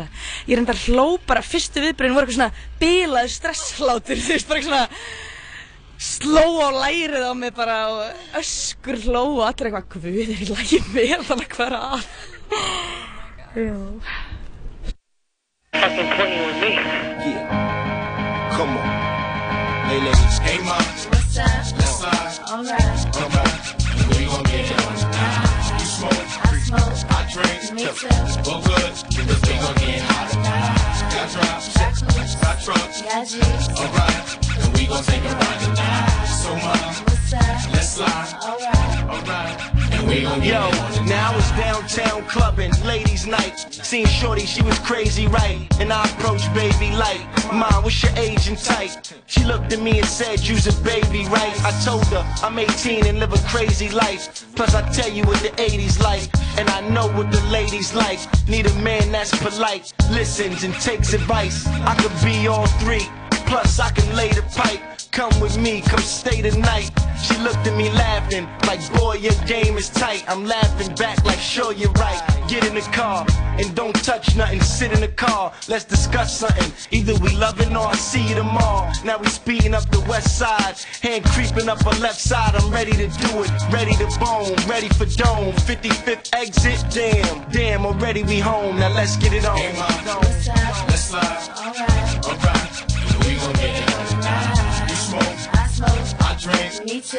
Well good. Cause we gon' get hot tonight. Got drops. Got coops. Got trucks. Got G's. Alright, and we gon' take a ride tonight. So mom, let's slide. Alright. Alright, Uh, and we gon' get now that I got a girl, my ex wanna holler and spit. Told me to acknowledge her quick. She like Kim, stop fronting on that Dave Hoster tip. Come over, let's smile and sip. I'm like mama and sick. I promise you thick. Usually I have a problem with chicks. They all say I'm rotten and rich, but not her boobies real. High heel do be feel. Plus got them Gucci nails, huh? You a cutie still. Still. And it's my down girl too. Ain't no groupie deal. We left the movies with Uzi, Suzuki wheels to the jacuzzi. I tell you, my boobies real. I mean, she do be winning, Louis spinning. Go to the crib, she got the Gucci linen. I see booby grinning. She looked and said, Cam, I know that you be sinning. Nah, I'm a changed man. Look at the range, man. I got a whole new game plan. Looked and said, that's nothing but game cam. She was right, she was up in the range, man. Dropped her off at the L, now I'm flipping the cell. That's right, I had to call up L. Yo, L, what up? I hit, what else? Plus Dome, say word. And we got it on the night. Hey mom, What's up? let's slide. Alright. Alright, and we gon' get it on tonight. You smoke, I smoke. I drink. Me too. Well good, cause we gon' get hot tonight. Got drops, Got coops. got. Got Alright, we gon' take a ride tonight. So up? let's slide. Alright. Alright, and we gon' get it on tonight.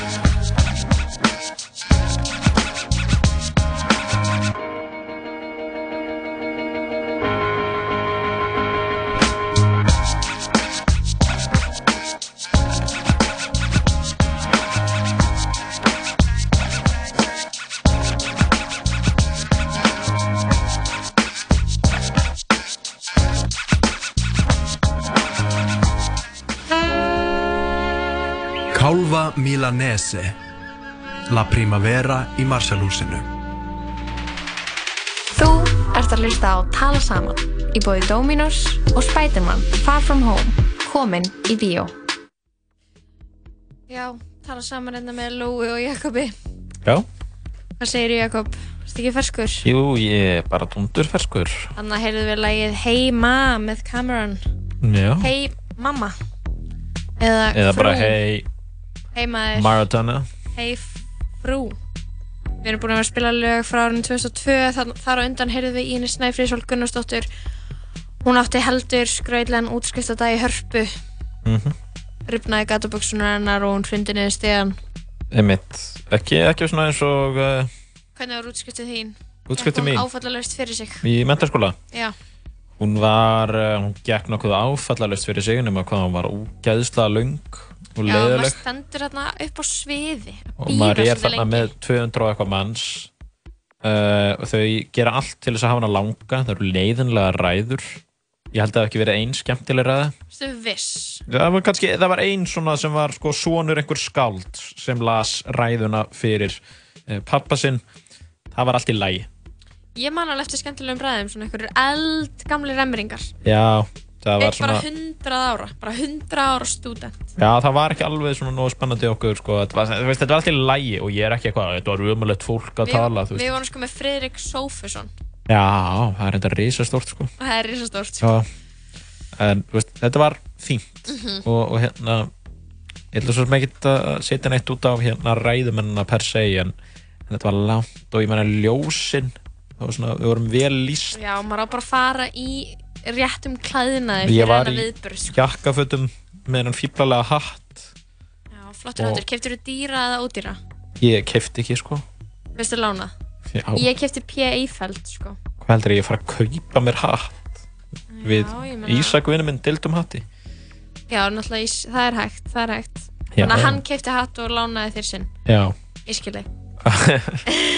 þetta var svona þannig gerði við það sko Ok, það er flott. en það var svo heitt, mér er það minnistækt uh, hvað ég hefði verið til í að vera bara Mm. á. Já, bara á nærból. Já, þetta er skemmtilegt, þetta er svaka hátilegt. Það eru ekki marga svona hátilegar aðtöfnir, skilur, í lífinu. Þetta er eina af svona, kannski fimm hátilegum aðtöfnum. ég held að þetta sé skemmtilegasta aðtöfn sem ég, eða svona skemmtilegasta mómentið þegar ég er útskrifast, þú veist, ég held að vera ekkert skemmtilegt eitthvað, bíða gráða eða þú veist, hvað sem gerist Mér ást alveg frekar gaman að fá bíagráðuna mína, sko. Var það? Hörpu og, þú veist, jú, þetta var alltaf löng bið og maður er eitthvað að lappa upp á sviðið og eitthvað, en þú veist, maður fyrir upp á svið, Mm. maður fær skýrtinnið, maður tekur í hendina rektor, maður fær knús frá deildastjóranum og bara, það er búinn. ok, það er þetta Þetta ekki er bara, þú veist, og svo bara, en, þú veist, fem maður upp á svið og maður gerir eitthvað svona með höndunum og gerir eitthvað svona sjó, þú ert með bíða gráðu í hvað sviðslistum. og uh, langaði í mastersnám Oh my god, Jakob. hvað? Þú veist, bara svona eins og atvinnu og starfsráðgjafi að spyrja mig að þessu. Nei, ég bara Ertu, fyrir ertu að veltaði fyrir hvort mér langi mastersnám? Já. Ég, mér hefur alveg langað í mastersnám, en ég held að það sé bara að hluta til bara tilfinningina bara vilja fá að vera aðeins inn í púpunni lengur. Já. Svo næs að vera ekki, veist, á vinnumarkaði. Veitu bara, ég er í námi, ég er bara að gera þetta, skilur en núna þarf þetta að augra þér Já, núna þarf ég að gera hluti, skilur tegja þægjenda hringin Já, sækja mér utan ramma reynslu. ymmit Mhm. þú ert með mörg, mörg verkfæri í bakpókanum Já, það er alltaf það sem er sagt við þá sem útskrifast Mm. bara já, mörg verkfæri og eitthvað. þetta er svona ákveðin orðræða sem mér langar að að Geyma. En Við vorum að tala hérna, uh, við erum búin að vera að spila tónlist frá árunum 2002 sem er fínt ár, Mhm. ári eftir 9-11 Já. 2002 rólegt á Íslandi allir með svona ljóta strípur í svona silvurlitum jakkafötum Árið gráum 2002 Já. flutti ég heim til Íslands frá Svíþjóð Já og hvernig leiðir?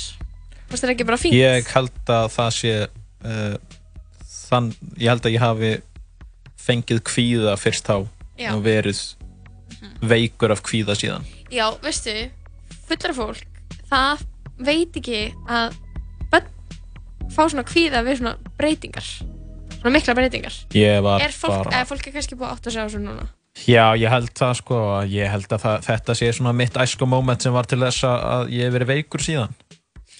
Nei, nei, ég, svo bara, ég er ágætlega haldinn. En ég held í ferskur. alvöru þetta hafi haft bara ríkalega hrjóða mig sko. Mhm, Þannig að maður er alltaf að leita einhverju svona fyrir hérna landinu, rétta vettvanginum, Mhm. eitthvað svoleiðis.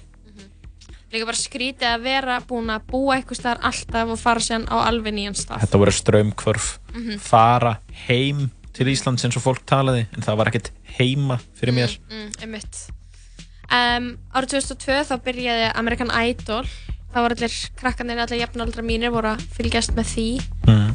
Kelly Clarkson var sigurvegari Já. og hún er bara fræg ennþá í dag sko. hún er bara flott, stendur sér bara vel Mhm. um, Eminem gáði The Eminem Show sem verður söluhæsta rapplata ársins Já. Og uh, Britney leikur sitt fyrsta aðalhutverk í kveikmyndinni Crossroads síðara árinu var hún sem var þá tvítug uh, var metin af Forbes-listanum sem valdamesta ofurstjarnar heims Já, ok, hún hlaut sturlað, alveg sko. þann, hún hlaut alveg þann status. já, hún var Britney sko, það, er engin, það hefur engin verið af stóra Britney Arina Grande, hún er stóra núna hún er samt ekki af stóra Britney Er það samt alveg, er það bara af því að við lifum áður í þessu tímum núna?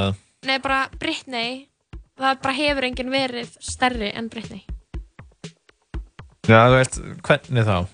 bara í, bara vinsældum bara hvernig þú veist, hvernig henni var tekið Það var að hún var líka leika og hvað svo leiðis og... Nei, þú veist, hún, hún var að leika í Crossroads en þá var hún alveg búin að vera söngkona nokkur ár, sko. Já, já. Það var ekki, það var held ég ekki, þú veist, kveikmyndarleikurinn sem að, þú veist, komin á, hann stað. heldur Bara karakterinn. Karakterinn, öll ímyndin í kringum hana, allt, allt einhvern veginn sem hún hafði og það sem hún stóð fyrir. Hún var svona American Sweetheart, ógeðslega sæt, gett góð, eitthvað, bara eitthvað, gett góð að syngja.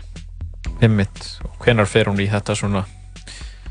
Uh, 2006 Já. sem að það talað um að, að Britney hafi átt erfiðast niðurrif. mm -hmm. þannig hún rakaði rakaði allt hárið af og svona Já. sem er bara flott svona þegar maður hugsa um það núna það var bara frekar bara frekar flott hjá henni eða þú veist ég veit hún var að eiga gett erfitt skilur en þetta er bara svona frekar gott move Já, bara fín. bara raka af sér allt hárið skilur Já, okkur ekki.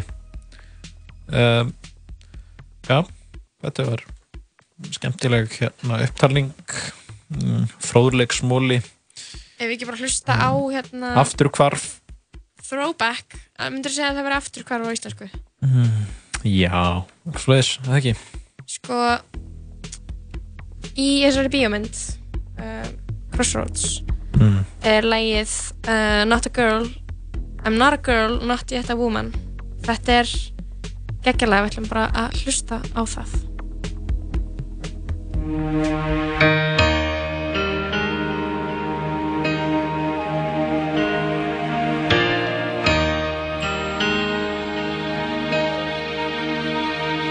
I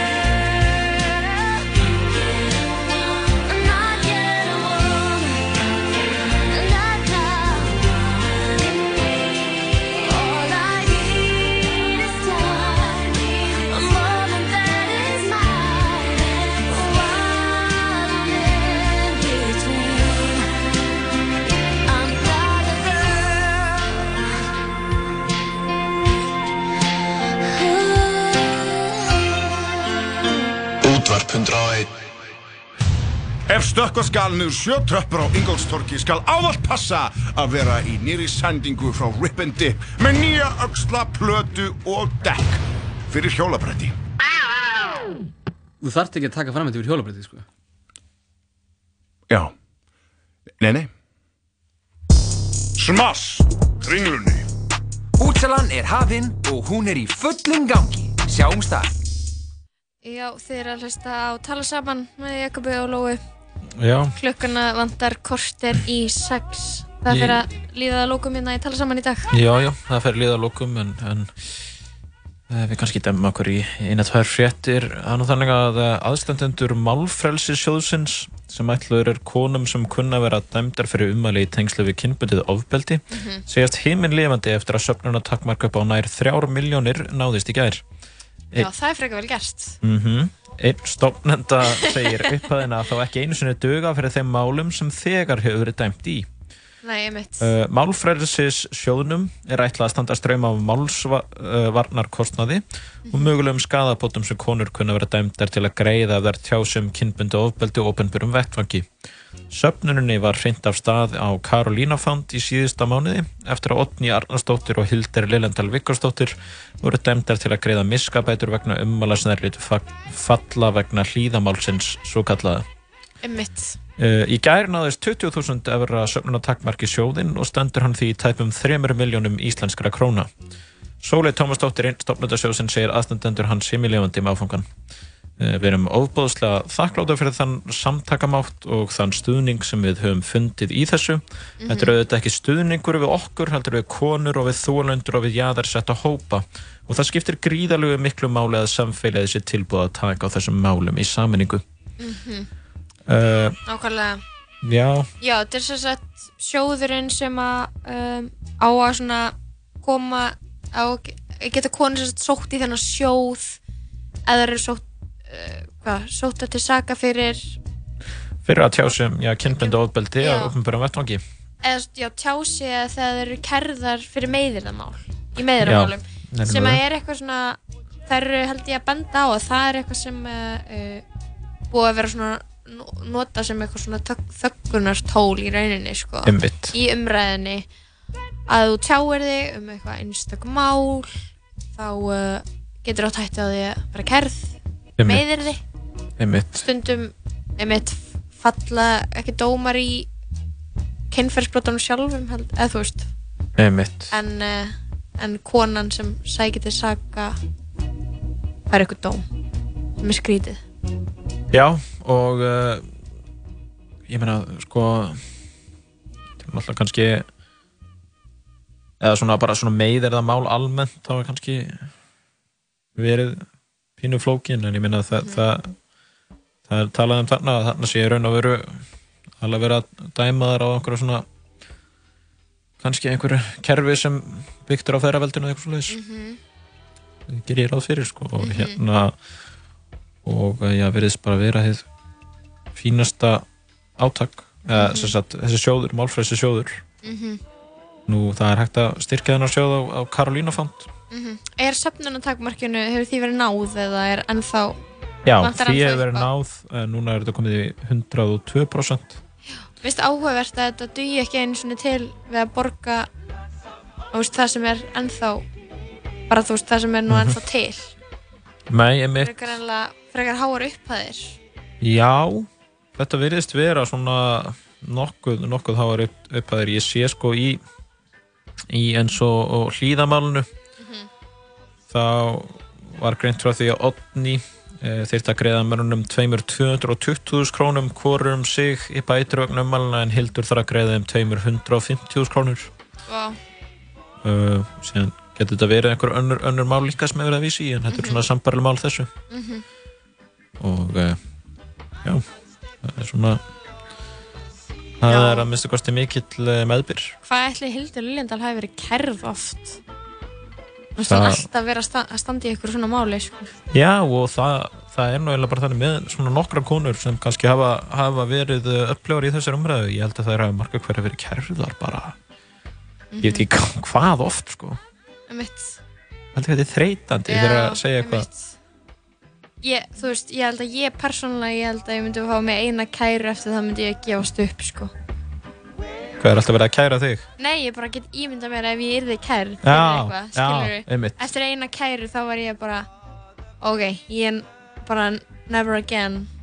Já, það fer, fer líka eftir sko, hvað þú værir kærð fyrir. Já. Kannski einhver svona, svona sambarlegt mál. Já, bara fyrir að segja eitthvað á netinu. Ef ég Einmitt. kærð fyrir það, þá myndi ég bara loka öllum samfélagsmiðla aðgöngum. Ég myndi bara hætta.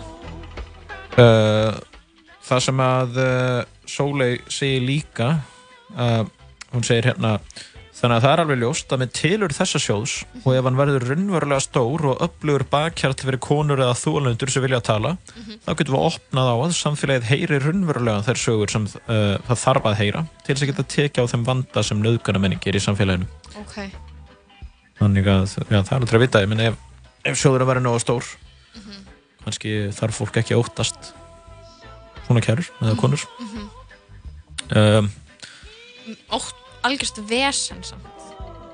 Já, þú veist, já, þó er bara- peningin til þess að borga, þá ertu þú veist, standa, standa í einhverju basli með Já, kærur og, og annað mæta kannski einhverjar yfirheyslur eða eitthvað, skilur, ég veit reyndar ekki hvernig þetta er. Ætli svona mál séu kannski öll mörg afgreitt bara svona á okkurum fundum. Þarf ekki endilega að fara fyrir Mm. dómstóla. Það gæti gæti, jú verið, ég minna það er náttúrulega yfirleitt er leita allra leiða held ég til þess að leysa svona málum, ég veit ekki hvernig það er í svona málum Þú veist, ég hef bara mesta reynslu af svona lögfræðidóti bara því að horfa á Boston Legal, The Good Já. Wife eða Law and Order. Já, já, ég Það er eina reynsla mín af Ég veit ekki alveg hvernig það er í svona málum það ætla að sé ekki oft bara beint í kæru eða kannski krafist en ég meina almennt í einhvern svona þegar fólk er að rífast þá svona reynir að það fara ekki fyrir domstóla Mhm. en það verðist vera ágætlar gengt að svona fara fyrir domstóla ég held að þeir reynir vel bara að fara beint með það Mhm. en það er eins og það er um, Ertu með eitthvað lag? Já, ég er með lagið uh, Lífið er þess virði að lifa í með Justin Bieber.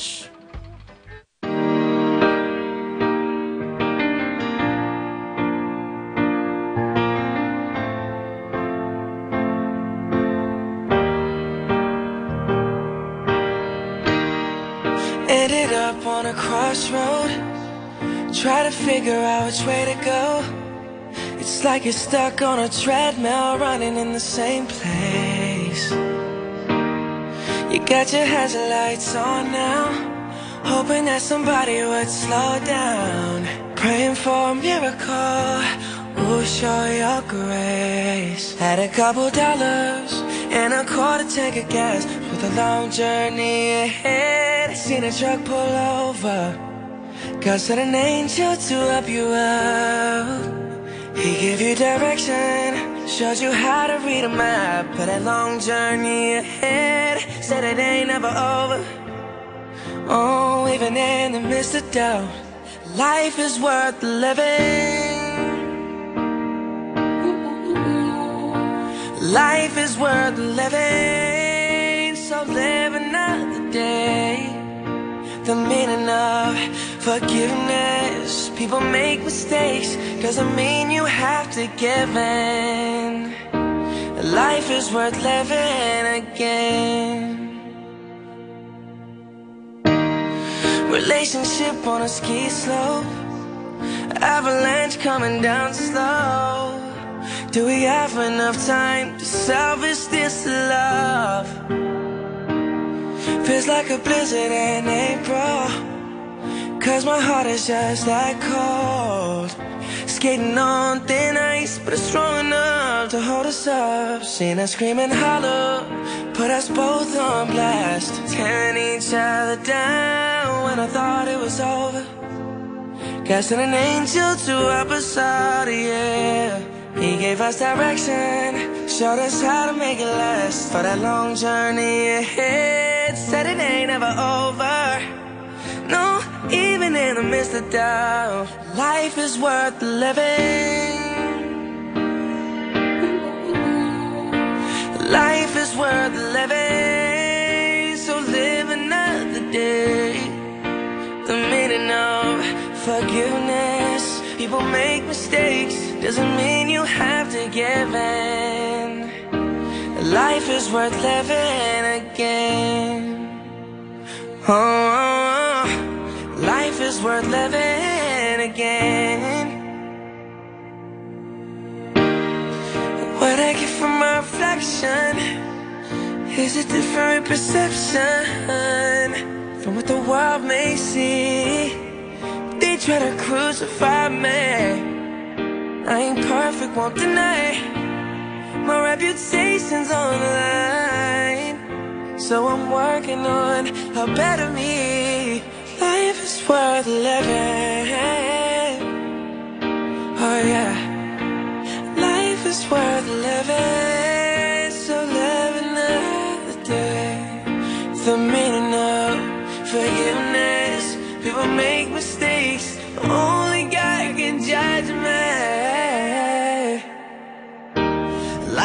Worth living again.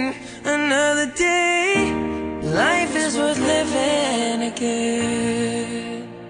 Já, það er rétt það sem hann Justin Bieber segir lífið er svirð að lifa því Já, Men- það finnst mér og ég hef nú upplifað hæður og læður og hérna og uh, ég verð nú bara að segja að, að lífið er fínt Það Um, er helviti fínt sko Já, það þarf ekki alltaf að vera dans og rósum en uh, maður var svona Stundum er maður bara slappur og Ég reyni maður bara, ég reyni bara eftir fremsta megni að líta á björtu hliðanar sama hversu slæmar aðstæður eru eða, eða hversu slæmar tilfinningar herja á mann þá verður maður að reyna að já, líta á björtu hliðanar og, og það er, það er eiginlega alltaf hægt að finna eitthvað gott á myrkum tímum það er þannig. Stundum er það bara eins og fyrir mig. Stundum er það bara Æ, þannig að ég get horta uppáhalds þáttinn minn.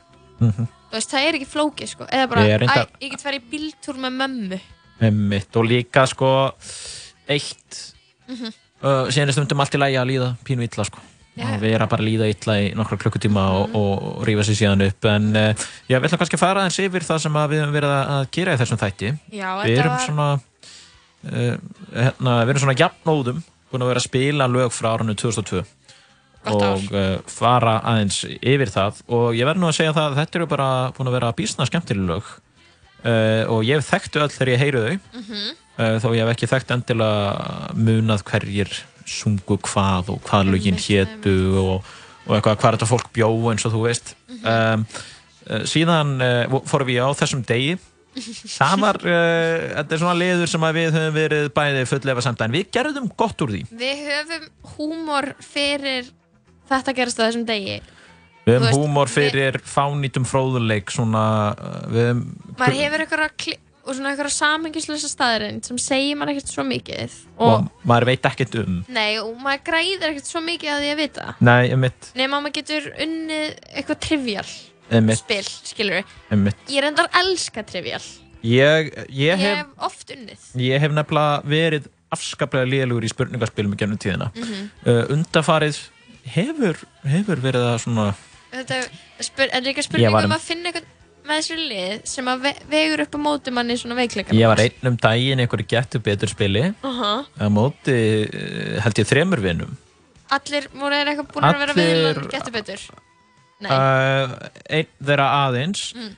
mm. viðlesnir menn, Mm. vellesnir og ég uh, segraði. Já. Þetta var mikill af, ég muni inn á reglulega á þetta sko. Mhm. Nú, uh, hann, Jón Kristinn Einarsson, sagfræðinemi, hann kom hingað eins og í hverju viku og uh, það var uh, fróðlegt og skemmtilegt þó það kannski hljómekjendilega þannig. Hann var að tala um manntalið 1703. Fyrsta manntalið. Mástu hann sagði það? Já, á Fyrsta Íslandi- manntalið, þess að var tekin heil þjóð. Já, fyrsta manntalið á land. Íslandi, jafnframt fyrsta manntalið heiminum þar sem heil þjóðu tekin fyrir. Já. Það er. Þá vorum við 50.000 rúmlega. Þetta voru þeir Páll Vítalín og Árni Magnússon sem voru svona stúsast í þessu, gerðu, gerðu jarða uh, bækur meðfram því uh, við bara bendum fólki á mantal.is, það er hrikalega skemmtileg síða. Getið skoðað forfeyrir ykkar og hvað, tekið aðeins púlsin á Íslandingum Einmitt. á þessu ári. Nú við fórum yfir svona, já, ymsar fréttir, við fórum í einhverjar þrjár, fjóra fréttir sem er allar svona, já, bara, þetta voru bara fína fréttir, ég ætla ekki meir út í það núna. uh, þetta sökkaði, uh, Snæfríður Sól, uh, listakonna, örlega ríkan útskipta dag hún í herpu. sagði, já, það var uh, einhver skemmtilegt og, uh, já, núna ætlum við bara, já, binda hnút, Segja bless. það er komin til, tíminn til að segja bless og það er ekki alltaf gaman. Nei, komið að leiða Uh, lókum. við kannski nefnum það í, í, í, í lokin Lóa að þú ert að fara að skemmta eftir, vera með uppistand Jú, ef að eitthvað fannst þetta skemmtilegur og fyndin þáttur þá uh, verður uppistand í kvöld á Hard Rock. þá veit að með þetta Hard Rock, ef ykkur fannst þetta ekki fyndið og skemmtilegt, þá er Lóa nefnilega að spara alla góða bandarinn fyrir Hard Rock í kvöld Ég var að halda í mér, sko. finnustu mínar, uh, það er tix.is ég ætla bara að auglýsa þetta fyrir þig Lóa ég veit að, veit að þú farið ekki að Mér finnst ekkert gaman að auðvitað þetta hérna í útvarpinu. Nei, nei, en uh, já, ég sá nú aðeins inn í textskjælið áðan og uh, það er það eru ansvi fáir miðar eftir og það var nú uppselt síðast Já. kaupið mið á netinu, ekki mæta bara þá er líklegast uppselt Mm. Það er rétt, Jakob. Ég ætla bara að fá að enda þetta á skemmtilegu lagi. Takk fyrir góðan þátt uh, Takk sem leiðis, Jakob. Njóttu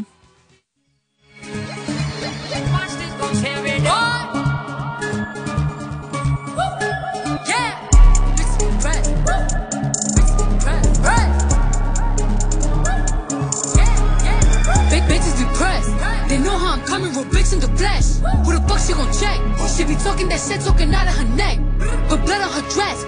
Bitches be mad when they see Cardi step in the spot. Said that you bought it, we know that you not. I'ma pull up on bitches as soon as I drop. Bought a new foreign, I'm like a yacht. Bitches in my business, they tryna plot. Hoes popping shit like they hot, but they not. Just flirted the wrist, the paddock, the watch. Niggas be flexing, we know what you got. Cardi the hacker, they game in the knot. Fucking your nigga, I got him on light, just go bang bang like I'm chopping them chops. VVS shit, I'm in love with the rocks. You said you gon' take it, bitch, you got me chopped. They throwing shit cause they see me on top to that bitch super love, I'ma send you the drop. Press, press, press, press, press. Cardi don't need more press. Kill them all, put them hoes to rest. Walk in bulletproof vest. Please tell me who she gon' check. Murder scene, Cardi made a mess. Pop up, guess who, bitch? Pop up, guess who, bitch? Ding dong. Must be that whip that I ordered. And a new crib for my daughter. You know a bad bitch gon' spoil her. Got one in New York, need one in Georgia. New Bentley truck is a quarter. My money still long like weed. Pussy still wet like Florida. Everyone drop on the floor. She was talking, but not anymore. Uh, next to your base, I contour. Just chop like a strip on the York. Done with the talking, I'm up in the balance. Ask anybody, they know